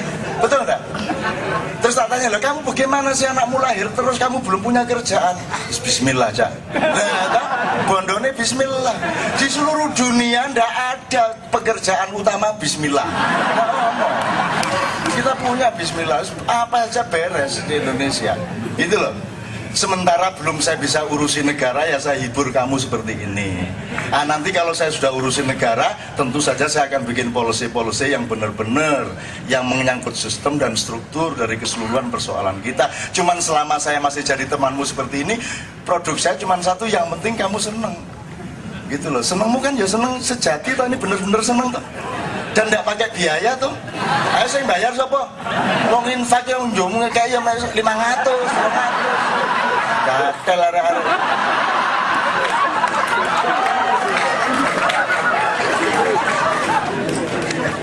nggak ada infak sesedikit kace. Opo arek-arek buaya nirene kono bareng infak 450 Lah saya ini kayak petang atas ya tapi Anjir arek nekat temen ada Oke, gitu teman sekalian ya. Jadi dengan begini Anda dipres nggak nih sekarang? Jadi yang penting teman-teman sekarang nomor satu Ini yang namanya survive-nya bangsa Indonesia. Kita itu mampu memiliki teknologi internal di mana kita bisa survive dalam keadaan apa pun saja. Kalau Anda tidak mampu survive dengan dirimu sendiri di tengah keadaan yang paling sengsara kayak apa pun, maka jangan berharap kamu bisa menolong negaramu. Beresin dirimu diri sendiri. Beresin bahwa kamu tidak dipres oleh apa pun, maka kamu akan bisa menolong seluruh rakyat untuk tidak dipres oleh apa pun. Kan begitu. Mulai revolusi dari dirimu sendiri, itu yang kata Yai Buti tadi. Kan kita butuh revolusi di Indonesia, setuju? Revolusi. Tapi nggak memenuhi syarat revolusi nasional. Nggak memenuhi syarat. Dari sudut apa pun tidak memenuhi syarat. Yang bisa kita lakukan adalah mulai hari ini sampai bulan depan kita kaji lagi, Anda sudah punya beberapa pasal revolusi untuk dirimu sendiri. Gitu loh ya dicari ada revolusi intelektual, revolusi berpikir, revolusi spiritual, revolusi mental, revolusi manajemen, revolusi apa aja efisiensi, pokoknya revolusi dalam diri kita sendiri dan saya dari dulu revolusi terus. Ya ibu itu revolusi, revolusi, Dek, revolusi. ya.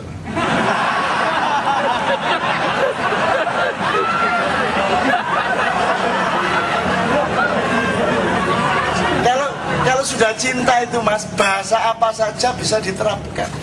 Tidak pakai epistemologi. Mas buatan kangen revolusi ta. ya iso. Seneng ya Ibu Di. Oke teman-teman sekalian, eh, kalau saya terusin nanti saya jadi pelawak bener. Saya akan tapi tapi sekarang kita dialog sudah berapa sekarang? Nekat toh, nekat toh. Itu sebuah revolusi Karena dia sedang mengatur dirinya Setengah tujuh Jadi waktu itu tidak bisa mengatur kita Karena yang mengatur waktu adalah hati kita Manajemen mental kita itu yang mengatur waktu. Kan gitu. Air tinggal setengah gelas atau masih setengah gelas itu masalahnya. Kan gitu. Kita ini masih sengsara atau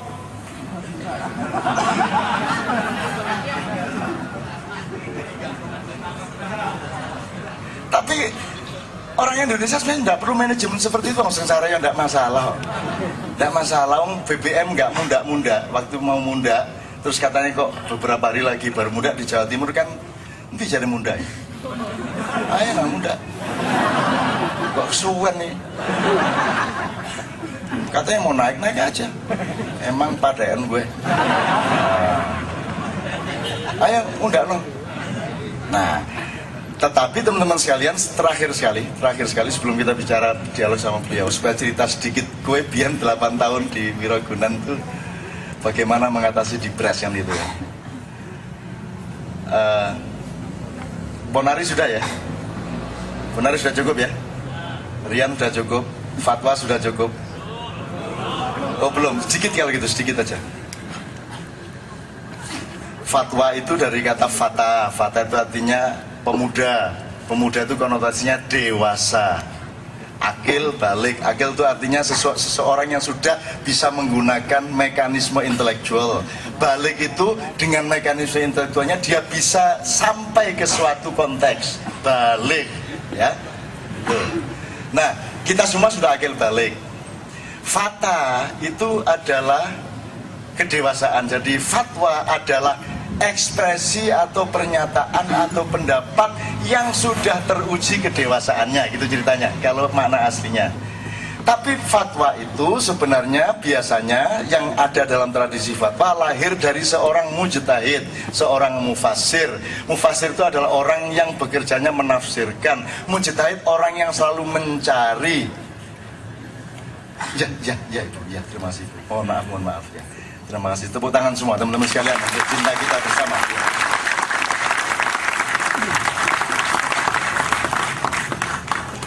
Kita ucapkan terima kasih kepada Ibu Halida Hatta dan rombongannya, teman-teman semuanya.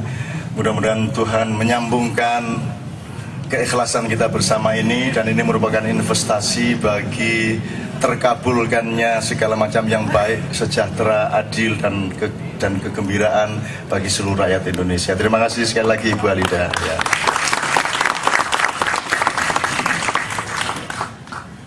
Jadi fatwa itu adalah pendapat yang dewasa, gampangnya begitu. Dan biasanya dia lahir dari seorang mufti. Mufti adalah orang yang memberi fatwa. Jadi biasanya dia lahir dari pendalaman tafsir dan ijtihad seseorang ulama misalnya di Mesir setiap ada rektor Al-Azhar maka dia otomatis menjadi Al-Mufti. Jadi misalnya tentang perang Irak Al-Mufti kasih fatwa. Tentang Gaza Al-Mufti kasih fatwa. Yang direkomendasikan kepada pemerintah sekarang si Husni Mubarak meskipun pemerintah tidak punya ikatan yuridis atau konstitusional untuk mentaati atau untuk menggunakan fatwa itu. Jadi fatwa tidak punya kekuatan konstitusi dia hanya berada pada ranah ilmu ranah ilmu dan moral itu fatwa ya. Nah yang terjadi pada fatwa ulama majelis ulama yang terakhir kemarin itu adalah kalau dari tradisi fatwa itu susah disebut fatwa karena itu adalah hasil satu rapat nasional yang menggunakan mekanisme demokrasi yaitu di, di sekolahnya Mbak Fatin Hamama di Padang Panjang. Jadi ulama-ulama sekian ratus berkumpul dari seluruh daerah di Padang Panjang terus rapat menghasilkan apa yang kemudian disebut fatwa. Jadi sesungguhnya itu adalah fatwa yang dihasilkan oleh mekanisme demokrasi. Itu. Jadi itu belum tentu fatwa dari sudut tradisi fatwa yang biasanya Nomor dua, kalau ada fatwa mengenai golput, aku seneng, tidak apa-apa. Golput itu fatwanya apa? Anda tahu toh bahwa fatwa itu mestinya ada lima kemungkinan toh? Wajib, sunnah, mubah atau halal, makro, haram. Itu namanya matriks lima. Filosofinya maslahat mudorot yang sangat maslahat disebut wajib, yang lumayan maslahat disebut sunat, yang tengah-tengah disebut mubah atau halal yang agak mudorot agak membahayakan namanya makruh yang sangat mudorot namanya haram. Kalau di bahasa gaulkan wajib itu harus harus lo ya. Kalau sunat mbok yao nah itu sunat mbok yao kamu ke sana itu namanya sunat. Kalau mubah halal ya ke sana monggo nggak ke sana ya monggo. Kalau makro mbok jangan ke sana. Itu makro kalau haram tidak boleh ke sana. Jelas ya posisi posisi apa komunikasinya ya oke. Terus kalau memang ada fatwa golput itu haram maka harus juga ada kalimat yang menyatakan bahwa mencoblos dalam pemilu itu wajib. Kan betul? Ada nggak itunya? Jadi harus bahwa ikut pemilu 2009 itu hukumnya wajib. Bukan lagi hak pilih tapi wajib pilih. Itu harus dinyatakan oleh majelis ulama. Kan gitu? Tapi sebenarnya sebelum ente berfatwa mengenai golput lo gimana sih golputnya dikasih fatwa kok pemilunya tidak? Jadi harus ada fatwa terlebih dahulu tentang pemilu. Jadi pemilu itu baik atau tidak haram atau halal wajib atau makruh termasuk pilkada itu hukumnya. Kalau misalnya dengan dasar pikiran bahwa golput itu haram maka pilkada wajib. Betul enggak? Nah, maka kita menunggu MUI menyatakan pilkada dan pemilu nasional itu wajib hukumnya, gitu loh. Saya senang kalau ada pernyataan seperti itu, gitu loh. Nanti kita baru bertanding yang masuk neraka yang mana kan gitu. Mereka apa kita kan? Kalau saya tidak ada masalah, ada fatwa kayak apa pun tidak ada masalah. Mau fatwa kok. Gitu loh. Ono fatwa rokok gak oleh, gini gini, ya apa? Rokok gak oleh. Gimana gimana fatwanya? Kalau saya. Kalau kita terusin, sebelum ada fatwa mengenai pemilu, harus ada fatwa terlebih dahulu mengenai demokrasi. Jadi harus ada fatwa MUI bahwa demokrasi itu wajib hukumnya, betul enggak? Nah, mari kita minta. Jadi kalau perlu KC kirim surat, Pak, tolong kami dikasih fatwa tentang pemilu demokrasi itu hukumnya apa? Kalau menurut logika yang tadi berarti pemilu itu eh berarti demokrasi itu wajib. Asik tak kalau ada fatwa demokrasi wajib hukumnya kan asik. Tapi sebelum memfatwai demokrasi harus difatwai dulu wadahnya. Wadahnya itu apa? Negara Kesatuan Republik Indonesia. Jadi NKRI ini wajib hukumnya. Gitu. Nah kalau gitu, loh jangan kemerdekaannya cok dikasih fatwa.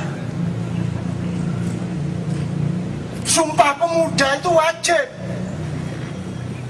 Gitu no sampai nang buri meneh. Kebangkitan nasional wajib. Suwe-suwe perjanjian ganti wajib. Jalu terus sampai ngeden sampai entek wis. Karena semua harus difatwai. Ini kalau kita ambil linear garis sejak historisnya. Kalau kita ambil kiri kanannya, loh ya kalau gitu difatwai dulu dong pupuk pertanian hukumnya apa, penggusuran hukumnya apa. Apalagi mas? Eh? Ya karena korupsi wis jelas itu. Mau lima itu jelas. Apa meneh? Mem membiarkan pengangguran pemerintah mem, apa namanya tidak bisa menyediakan lapangan kerja sehingga wanita-wanita dan laki-laki muda Indonesia pergi ke luar negeri jadi TKI dan TKW berarti pemerintah berada pada posisi halal apa haram kan begitu? Di fatwa kabeh kudu ana fatwa kabeh infotainment haram apa halal? Uh, liputan 6 halal apa haram? Wis kudu kabeh jaru jak bingung akeh ngono Bapak Loh kalau memang berfatwa harus, makanya majelis ulama harus terdiri dari berbagai macam pakar. Kalau dalam Quran ada ulil absor, ulil albab, ulil nuha. Tapi masih bisa dipecah-pecah, itu berarti ada ada para peneliti di segala bidang. Maka kemudian dia menjadi pakar A, pakar B dari pertanian, peternakan, kehutanan, ekologi, ekosistem segala macam, sampai pakar ekonomi, pakar segala macam. Jadi MUI tidak hanya terdiri dari ahli fikih, tapi juga ahli-ahli segala bidang karena mereka dibutuhkan dasar-dasar pertimbangannya untuk menentukan fatwa dari sesuatu hal. Itulah teman-teman sekalian. Jadi saya tidak nyalain MUI loh, saya seneng loh MUI bikin fatwa. Dan saya menunggu fatwanya beribu-ribu yang saya tunggu. Bikin KC, halal apa haram? Hmm? Ini loh, membuat orang tidak tidur sampai jam 3 pagi, halal apa haram? Ayo. Makhluk yang namanya Mbah Surip itu pakai topi dan rambut kayak begitu halal apa haram harus ada fatwanya itu pun dalam fatwa itu ada keluasan dimensi di mana anda tidak bisa memfatwai benda secara berdiri sendiri. Kayak orang Madura ditanya pak makan ayam goreng halal apa haram? Oh tidak tentu pak. Loh kok fatwa kok gak mesti? Loh ya tentu pak. Maksudnya tidak tentu? Loh kalau ayamnya colongan ya haram pak. Minum ini halal apa haram? Tidak tentu Airnya insya Allah halal Menurut penelitian laboratorium tidak ada masalah Cuman siapa yang punya perusahaan ini? Dari mana asal usul uangnya? Uangnya riba apa tidak? Hasil kolusi KKN apa tidak? Dalam perusahaan ini ada kezaliman apa tidak kepada buruh? Kan harus dihitung semua halal haramnya. Jadi daripada repot-repot memfatwai begitu banyak hal, wis rasa berfatwa. Nanti repot loh. Susah loh, cari halal haram tuh susah loh. Susah. Isti ini sound sistemnya habis tuh waktu kasus di Monas sampai sekarang. Siapa sekarang yang berkewajiban mengganti sound sistemnya Isti? Yang waktu itu diserbu FPI itu. Siapa yang berkewajiban? Jadi sudahlah daripada repot memberi fatwa, percayalah kepada akal sehat masyarakat. Anda mau maling enggak toh? Toh? Untuk tidak maling nunggu hukum dan Quran atau tidak? Meskipun enggak ono Quran aku enggak maling rek. Cukup dengan nurani saya dan akal pikiran saya. Kan gitu. Yuk kita percaya kepada akal sehat rakyat, percaya kepada moral masyarakat supaya mereka juga mampu memfatwai diri mereka sendiri-sendiri, gitu loh. Kecuali darurat-darurat banget baru majelis ulama, itu ya teman-teman sekalian. Oke, sekarang waktu sudah sangat mendesak, jadi soal fatwa cukup segitu. Ada satu dua hal yang barangkali saya ingin mintakan kepada Mas Simon sama Isti, terutama mengenai apa yang mereka pikirkan mengenai dipres tadi itu Mas Simon. Ya mas ya, Mon ya. Minumannya sudah ada ya. Negoro anak sekarang tidak tidak tahu siapa-siapa sehingga saya ini sampai-sampai mempersiapkan diri saya untuk tidak usah dikenali oleh siapa-siapa daripada saya besok-besok menyesali bahkan saya punya cita-cita agar supaya kalau nanti saya dipanggil oleh Allah itu jangan ada yang tahu kecuali keluarga saya. Saya sampai punya cita kalau saya mati nanti tidak usah ada yang tahu deh keluarga saya aja. Sehingga saya sekarang sudah menyiapkan pemakaman di kompleks rumah saya di desa sana untuk ibu saya, eh, ayah saya dan keluarga saya supaya saya nanti tidak usah ngerepotin siapa-siapa. Selama hidup mungkin saya pernah ngerepotin orang tapi ketika nanti saya mati saya nggak usah ngerepotin siapa-siapa. Dan cukuplah yang menguburkan adalah saudara-saudara saya saja istri dan anak saya kan gitu sampai begitu karena saking takutnya kita ini tidak dihargai di Indonesia Indonesia, media massa, pemerintah dan semuanya mainstream ini tidak butuh kebenaran. Tidak butuh kebaikan, tidak butuh kreativitas dan lain sebagainya. Keajaiban saja dituduh musyrik kok.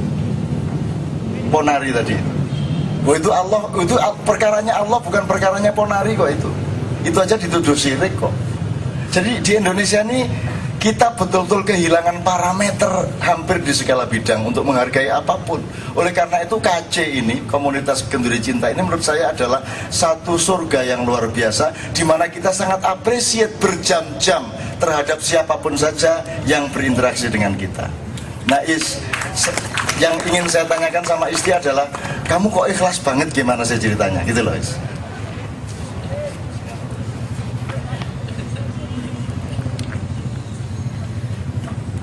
Ya saya kira tadi saya, saya kira ya keikhlasan itu timbul mungkin dari dua hal. ya. Pertama mungkin ketidakberdayaan, tapi juga barangkali kita bersyukur, bersyukur dalam arti ini saya sedang dalam keadaan Dari itu dipelajari sangat banyak tau pelajarannya. Banyak sekali. Misalnya sampai antri 10 ribu, 20 ribu, 40 ribu umpamanya ya. Itu kan itu mencerminkan betapa dunia medis modern kita sebenarnya tidak mampu mengatasi masalah. Sampai sebegitu banyak orang antri kepada seorang anak kecil. Jadi sebenarnya yang terjadi juga krisis kepercayaan kepada dunia medis dan dunia medis memang betul-betul sudah menjadi Tuhan yang tidak boleh dianggap salah sedikit pun.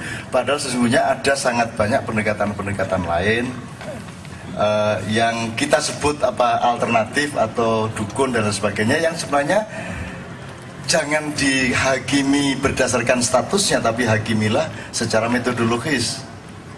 Kan begitu. Mau tanya juga? Ya silakan silakan mas, maju mas saya mengenal banyak sekali eh, pendekatan-pendekatan alternatif yang saya hitung secara rasional juga. Silakan Mas Ibrahim ya. Sebelum saya teruskan monggo.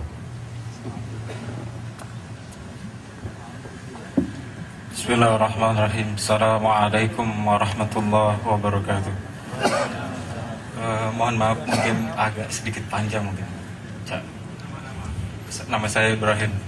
Dan kalau ada pendekatan mengenai angka 9 di dalam Al-Quran ada juga pendekatan angka 7 ada pendekatan 19 dan lain sebagainya itu semua kita jangan jadikan fokus dia merupakan bagian dari mosaik metodologis di mana kita bisa menemukan kesejatian yang sama melalui pintu yang berbeda-beda.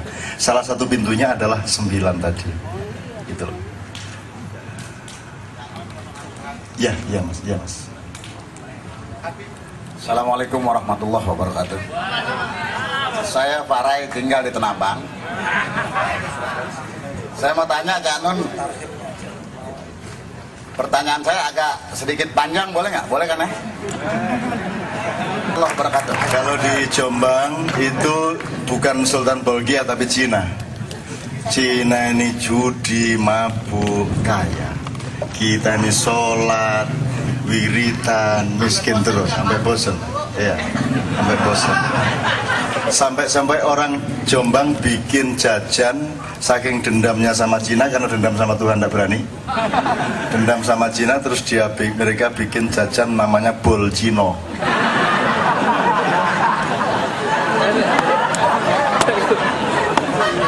Nah itu berlangsung puluhan tahun, tidak Cinanya tidak berani, tapi ketika kemudian ada interfaith dialog, Gus Dur dekat sama Cina, sama Konghucu sebagainya, mulai muncul keberanian kultural dari teman-teman Cina. Akhirnya orang Cina juga tidak kalah kreatif, mereka bikin jajan counter culture namanya bol kaji.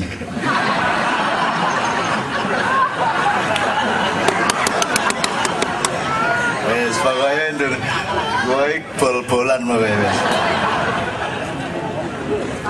Oke, tapi saya kira sangat banyak faktornya. Eh, memanage Brunei yang hanya satu kabupaten itu pasti jauh lebih mudah daripada memanage Indonesia yang terlalu luas yang berasal dari ribuan kerajaan yang sekarang saja secara resmi ada 162 kerajaan dengan bahasa yang bermacam-macam dengan kelakuan yang bermacam-macam dengan pulau yang terpencar-pencar sehingga sesungguhnya ketika kita awal bikin negara itu harus dihitung betul teknis manajemen kenegaraan kita dan saya kira kalau mau dilihat Indonesia ini memang sudah salah sejak awalnya Ah, gini, ta- tapi inna ma'al usri yusra. Inna ma'al usri yusra. Jadi tidak tidak boleh ada eh, detik di mana kita kehilangan kepercayaan terhadap masa depan. Jadi sudah kita, pernah kita omongkan di KC bahwa Allah menjamin kalau kamu mengalami kesukaran pada saat itu juga sudah ada kemudahan. Tinggal kamu cerdas apa tidak, kamu peka atau tidak. Kalau waktunya kamu pakai hanya untuk mengeluh dan mengutuk, maka kamu kehilangan momentum untuk menemukan kecerdasan terhadap kemudahan itu. Jadi kan bunyinya inna ma'al usri yusron, bukan inna ba'dal usri yusron. Bukan sesudah kesulitan ada kemudahan tidak. Tapi bersamaan dengan kesulitan sudah ada kemudahan. Maka disebut ma'a bukan ba'da. Bahasa Arabnya begitu. Nah, kalau saya boleh, ini terpaksa menjawab sebagai ustadz sedikit ya. Soalnya bolgia bolgia, mulane kan, mulane kan soalnya nek bolgia ya tak dolekno bol Cina karo bol kaji ke mana. Salah bolgia. Nah, bolgia denger ini terus dia jawab bolmu dewe ya.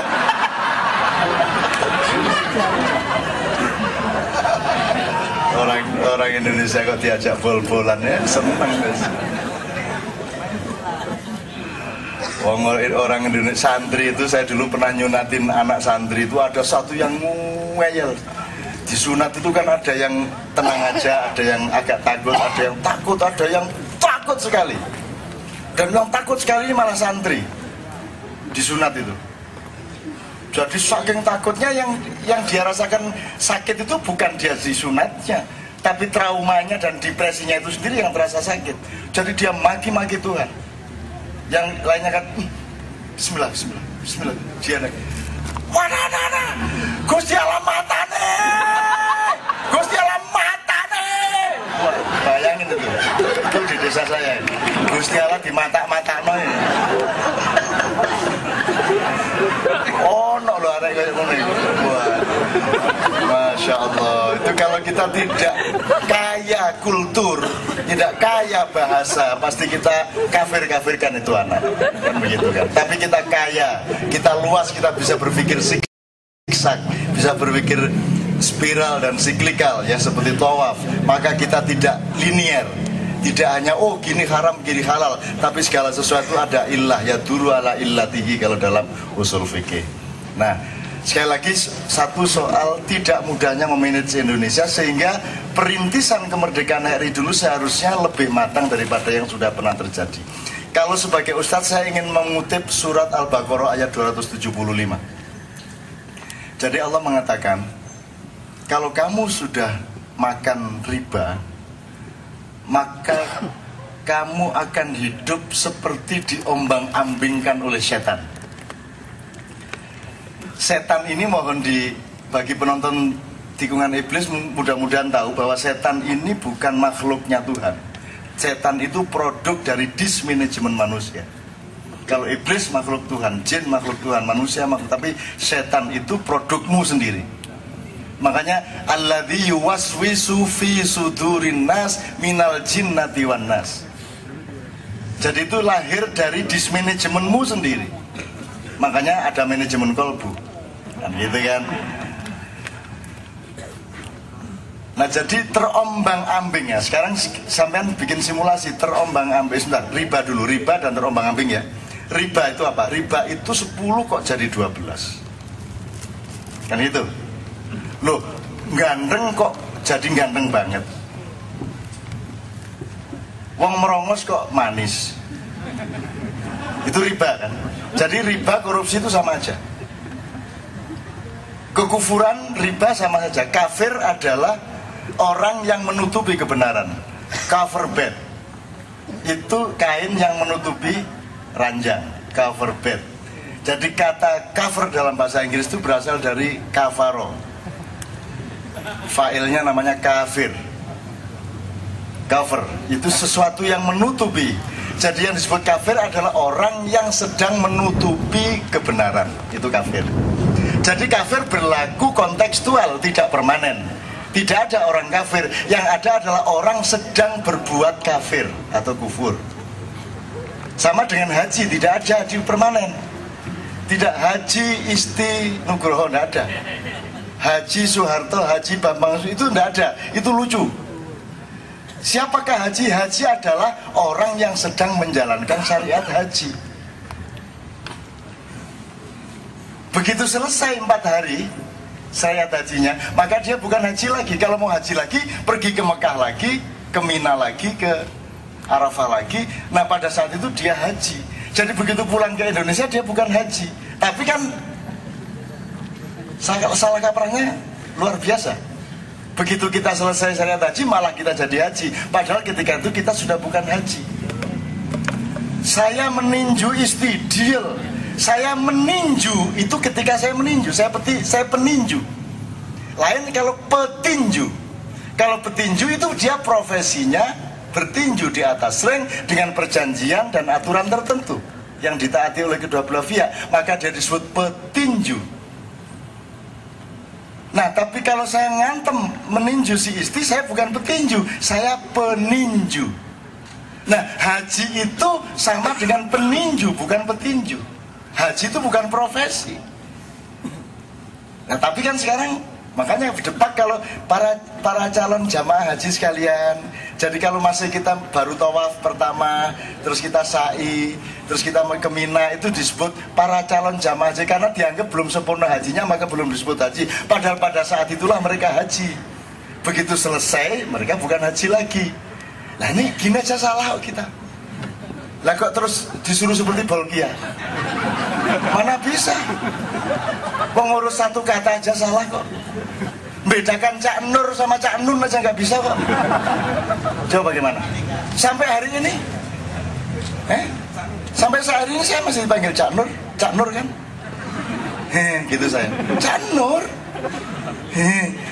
Eh, Nur Khalis Majid. Ah, mata aku. Coba bedain itu aja nggak bisa kok orang Indonesia. Suruh memanage Indonesia yang sangat luas. Nah itu namanya riba. Riba itu tidak hanya ekonomi tidak hanya uang. Klausul pertama adalah uang yang dipinjamkan tapi minta tambah ketika dikembalikan. Itu klausul pertama. Tapi kontekstualisasinya kan bisa ke seluruh dimensi kamu itu katanya mewakili rakyat tapi kok tidak ada perilakumu selama menjadi wakil rakyat benar-benar mewakili rakyat riba apa tidak riba kamu itu mau jadi caleg, kamu mau jadi presiden, semuanya mengaku demokrasi, semuanya mengaku mewakili rakyat dan mencintai rakyat.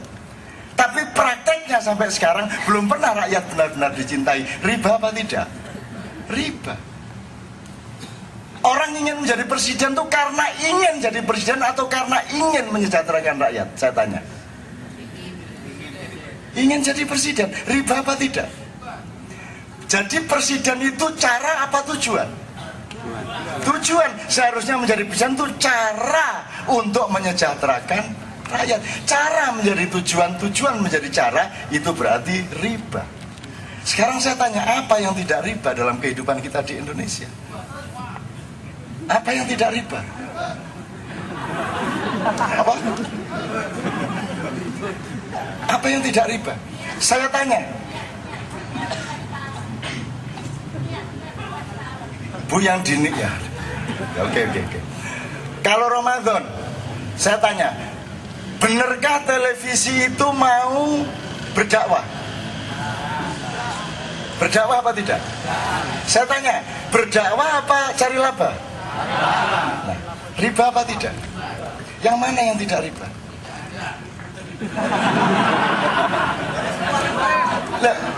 Loh, makanya sekarang sekarang saya tanya, kalau di Amerika, di Australia diperlukan sertifikat atau label halal. Kenapa? Karena asumsi dasarnya di sana negara mayoritas non-Islam, maka makanan pada umumnya tidak halal. Maka diperlukan tanda yang mana yang halal. Kan begitu? Kalau di Indonesia mayoritasnya Islam, maka makanan di sini asumsi dasarnya adalah halal. Maka diperlukan sertifikat atau label haram. Lah di sini ada nggak label haram? Yang ada label halal. Riba apa tidak? Riba.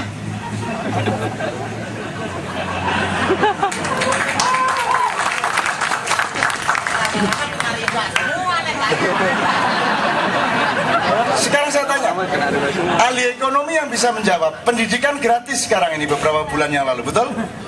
Sekarang yang bisa mengetahui ini riba atau tidak adalah ahli ekonomi. Ngitung keuangan negara kita misalnya sejak SBY jadi presiden, sebenarnya tahun berapa kemampuan keuangan negara kita mampu menggratiskan pendidikan?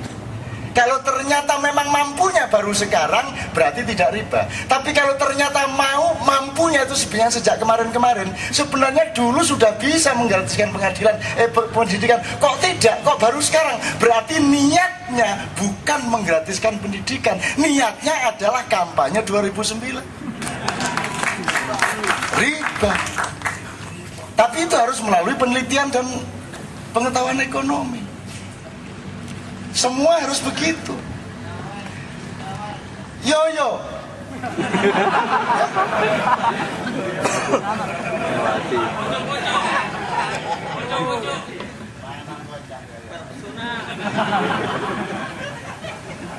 Siapakah presiden Indonesia yang tidak pro demokrasi? Siapakah presiden Indonesia dari Soekarno sampai sekarang yang pernyataannya tidak pernyataannya tidak mencintai rakyat. Semua mencintai rakyat, semua menomorsatukan rakyat. Tapi de facto bagaimana?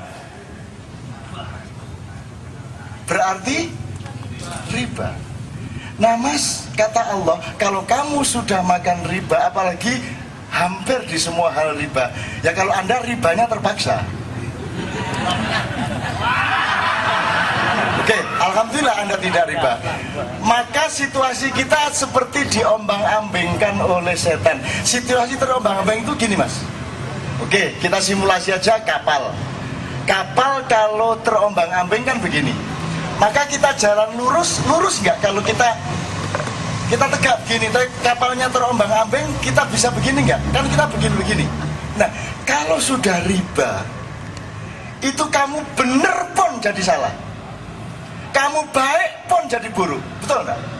jadi sekarang ada inisiatif sebaik apa pun menjadi mudorot mau menghilangkan pornografi menjadi mudorot berfatwa mengenai rokok menjadi mudorot kebaikan kayak apa pun menjadi mudorot karena kapalnya oleng terombang ambing. Itu pun kita tidak mencari kita bertengkar. Kamu ngapain kok nimpa saya? Loh saya nggak nimpa kamu. Ini kapalnya yang begini. Tapi semua bertengkar karena ditimpa temennya. Kan begitu? Ini 2009 ini seluruh masalah dihitung berdasarkan kepentingan kelompok-kelompok ke 2009 Pak Denuri sesepuhnya Kiai Kanjeng itu pagi-pagi bakar sampah jongkok ada kambing lari nyerodok dia diel terbanting dia. Sakit tadi dia pikir loh saya ini ngapain kok disuruh kambing? Kambing itu merasa disaingi sama Pak D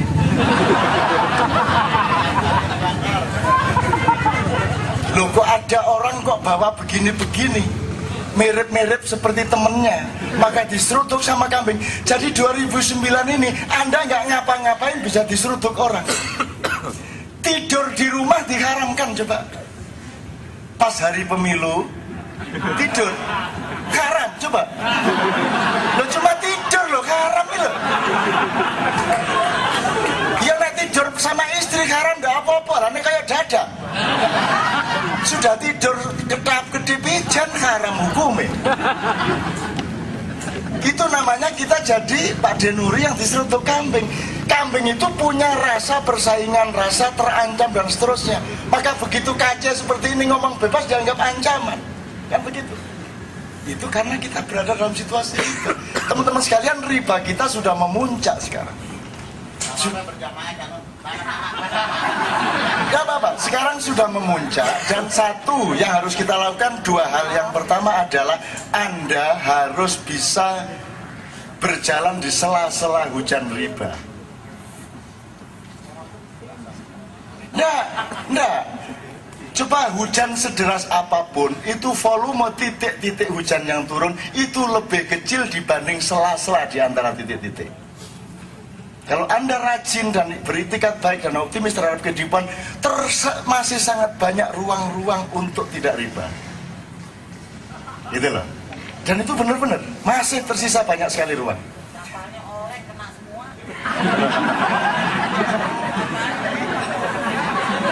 Ini enggak kok. Teman-teman enggak kok. Terus, terus, terus, terus menit Arabeno, menit Arabeno.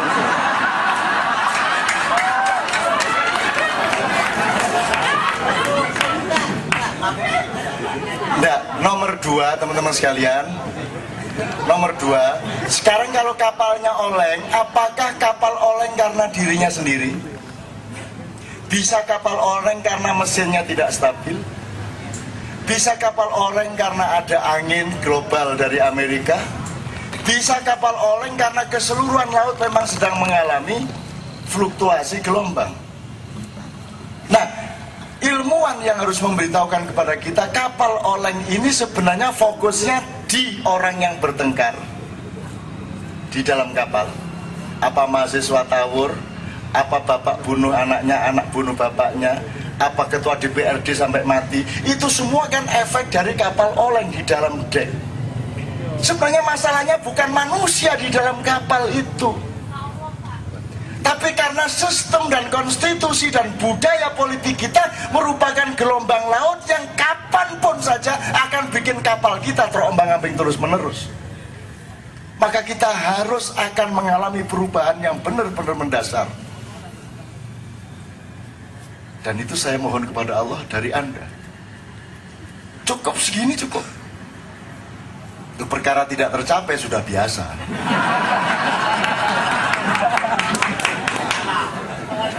Kira-kira gitu ya mas ya.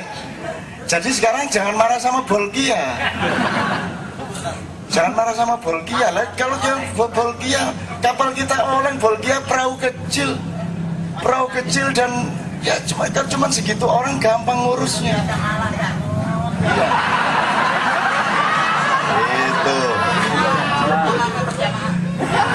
Saya ini sebenarnya berada pada hari-hari yang sangat menyedihkan saya dan sangat memuakkan saya melihat yang disebut istri tadi. Saya melihat kezoliman-kezoliman yang luar biasa. Saya melihat kehinaan yang luar biasa di negeri ini. Saya tidak akan ngomong apa. Tetapi dan itu yang saya bawa ke sini tadi. Saya marah, saya ingin meludah, saya sampai bilang upama aku dadi set. Aku mau manggon di batangi wong iku. Sampai ngono aku. Upama aku disuruh meludahi itu orang-orang seperti itu. Saya akan menolak meludahi eman ludah saya. Karena ludah saya masih lebih mulia daripada dia. Sampai ngono saya. Tapi begitu saya masuk sini sembuh saya. Sembuh saya. Ketemu anda saya sembuh seluruh amarah saya hilang. Saya optimis lagi. Saya penuh harapan lagi. Saya tidak tahu, tak anggap ini adalah potensi ponari-ponari. Entah apa bidangnya, tapi kalau kita akan mengalami keajaiban besar dalam beberapa tahun ke depan. Amin ya Allah. Mboten nggih. Siapa apa ya terus no. Gitu ya teman sekalian ya. Tapi coba lihat nih anda nih bertahan sampai jam segini di sini. Nih masa anda ada harapannya? Eh? Loh, pengangguran pun tidak akan bisa bertahan dengan konsentrasi seperti ini kalau anda tidak punya nurani yang bersih. Kalau tidak anda pun tidak punya keinginan dan keikhlasan yang luar biasa untuk seluruh rakyat dan masyarakat yang bisa memelihara Anda duduk di sini adalah Anda punya ketulusan yang benar-benar sejati untuk bangsa Indonesia. Kan begitu? Dan itu mustahil Allah tidak memperhatikan Anda. Mustahil. Kalaupun Anda dan saya tidak mampu merubah Indonesia, insya Allah pasti Allah merubah hidup Anda dan hidup saya. Kalaupun Indonesia dibiarkan gelap, anda tidak dibiarkan gelap, Anda akan penuh cahaya. Keluargamu akan lebih sejahtera. Pen penghidupanmu akan lebih mudah. Hutangmu akan terbayar. Kalaupun tidak terbayar, yang ngutangi lupa.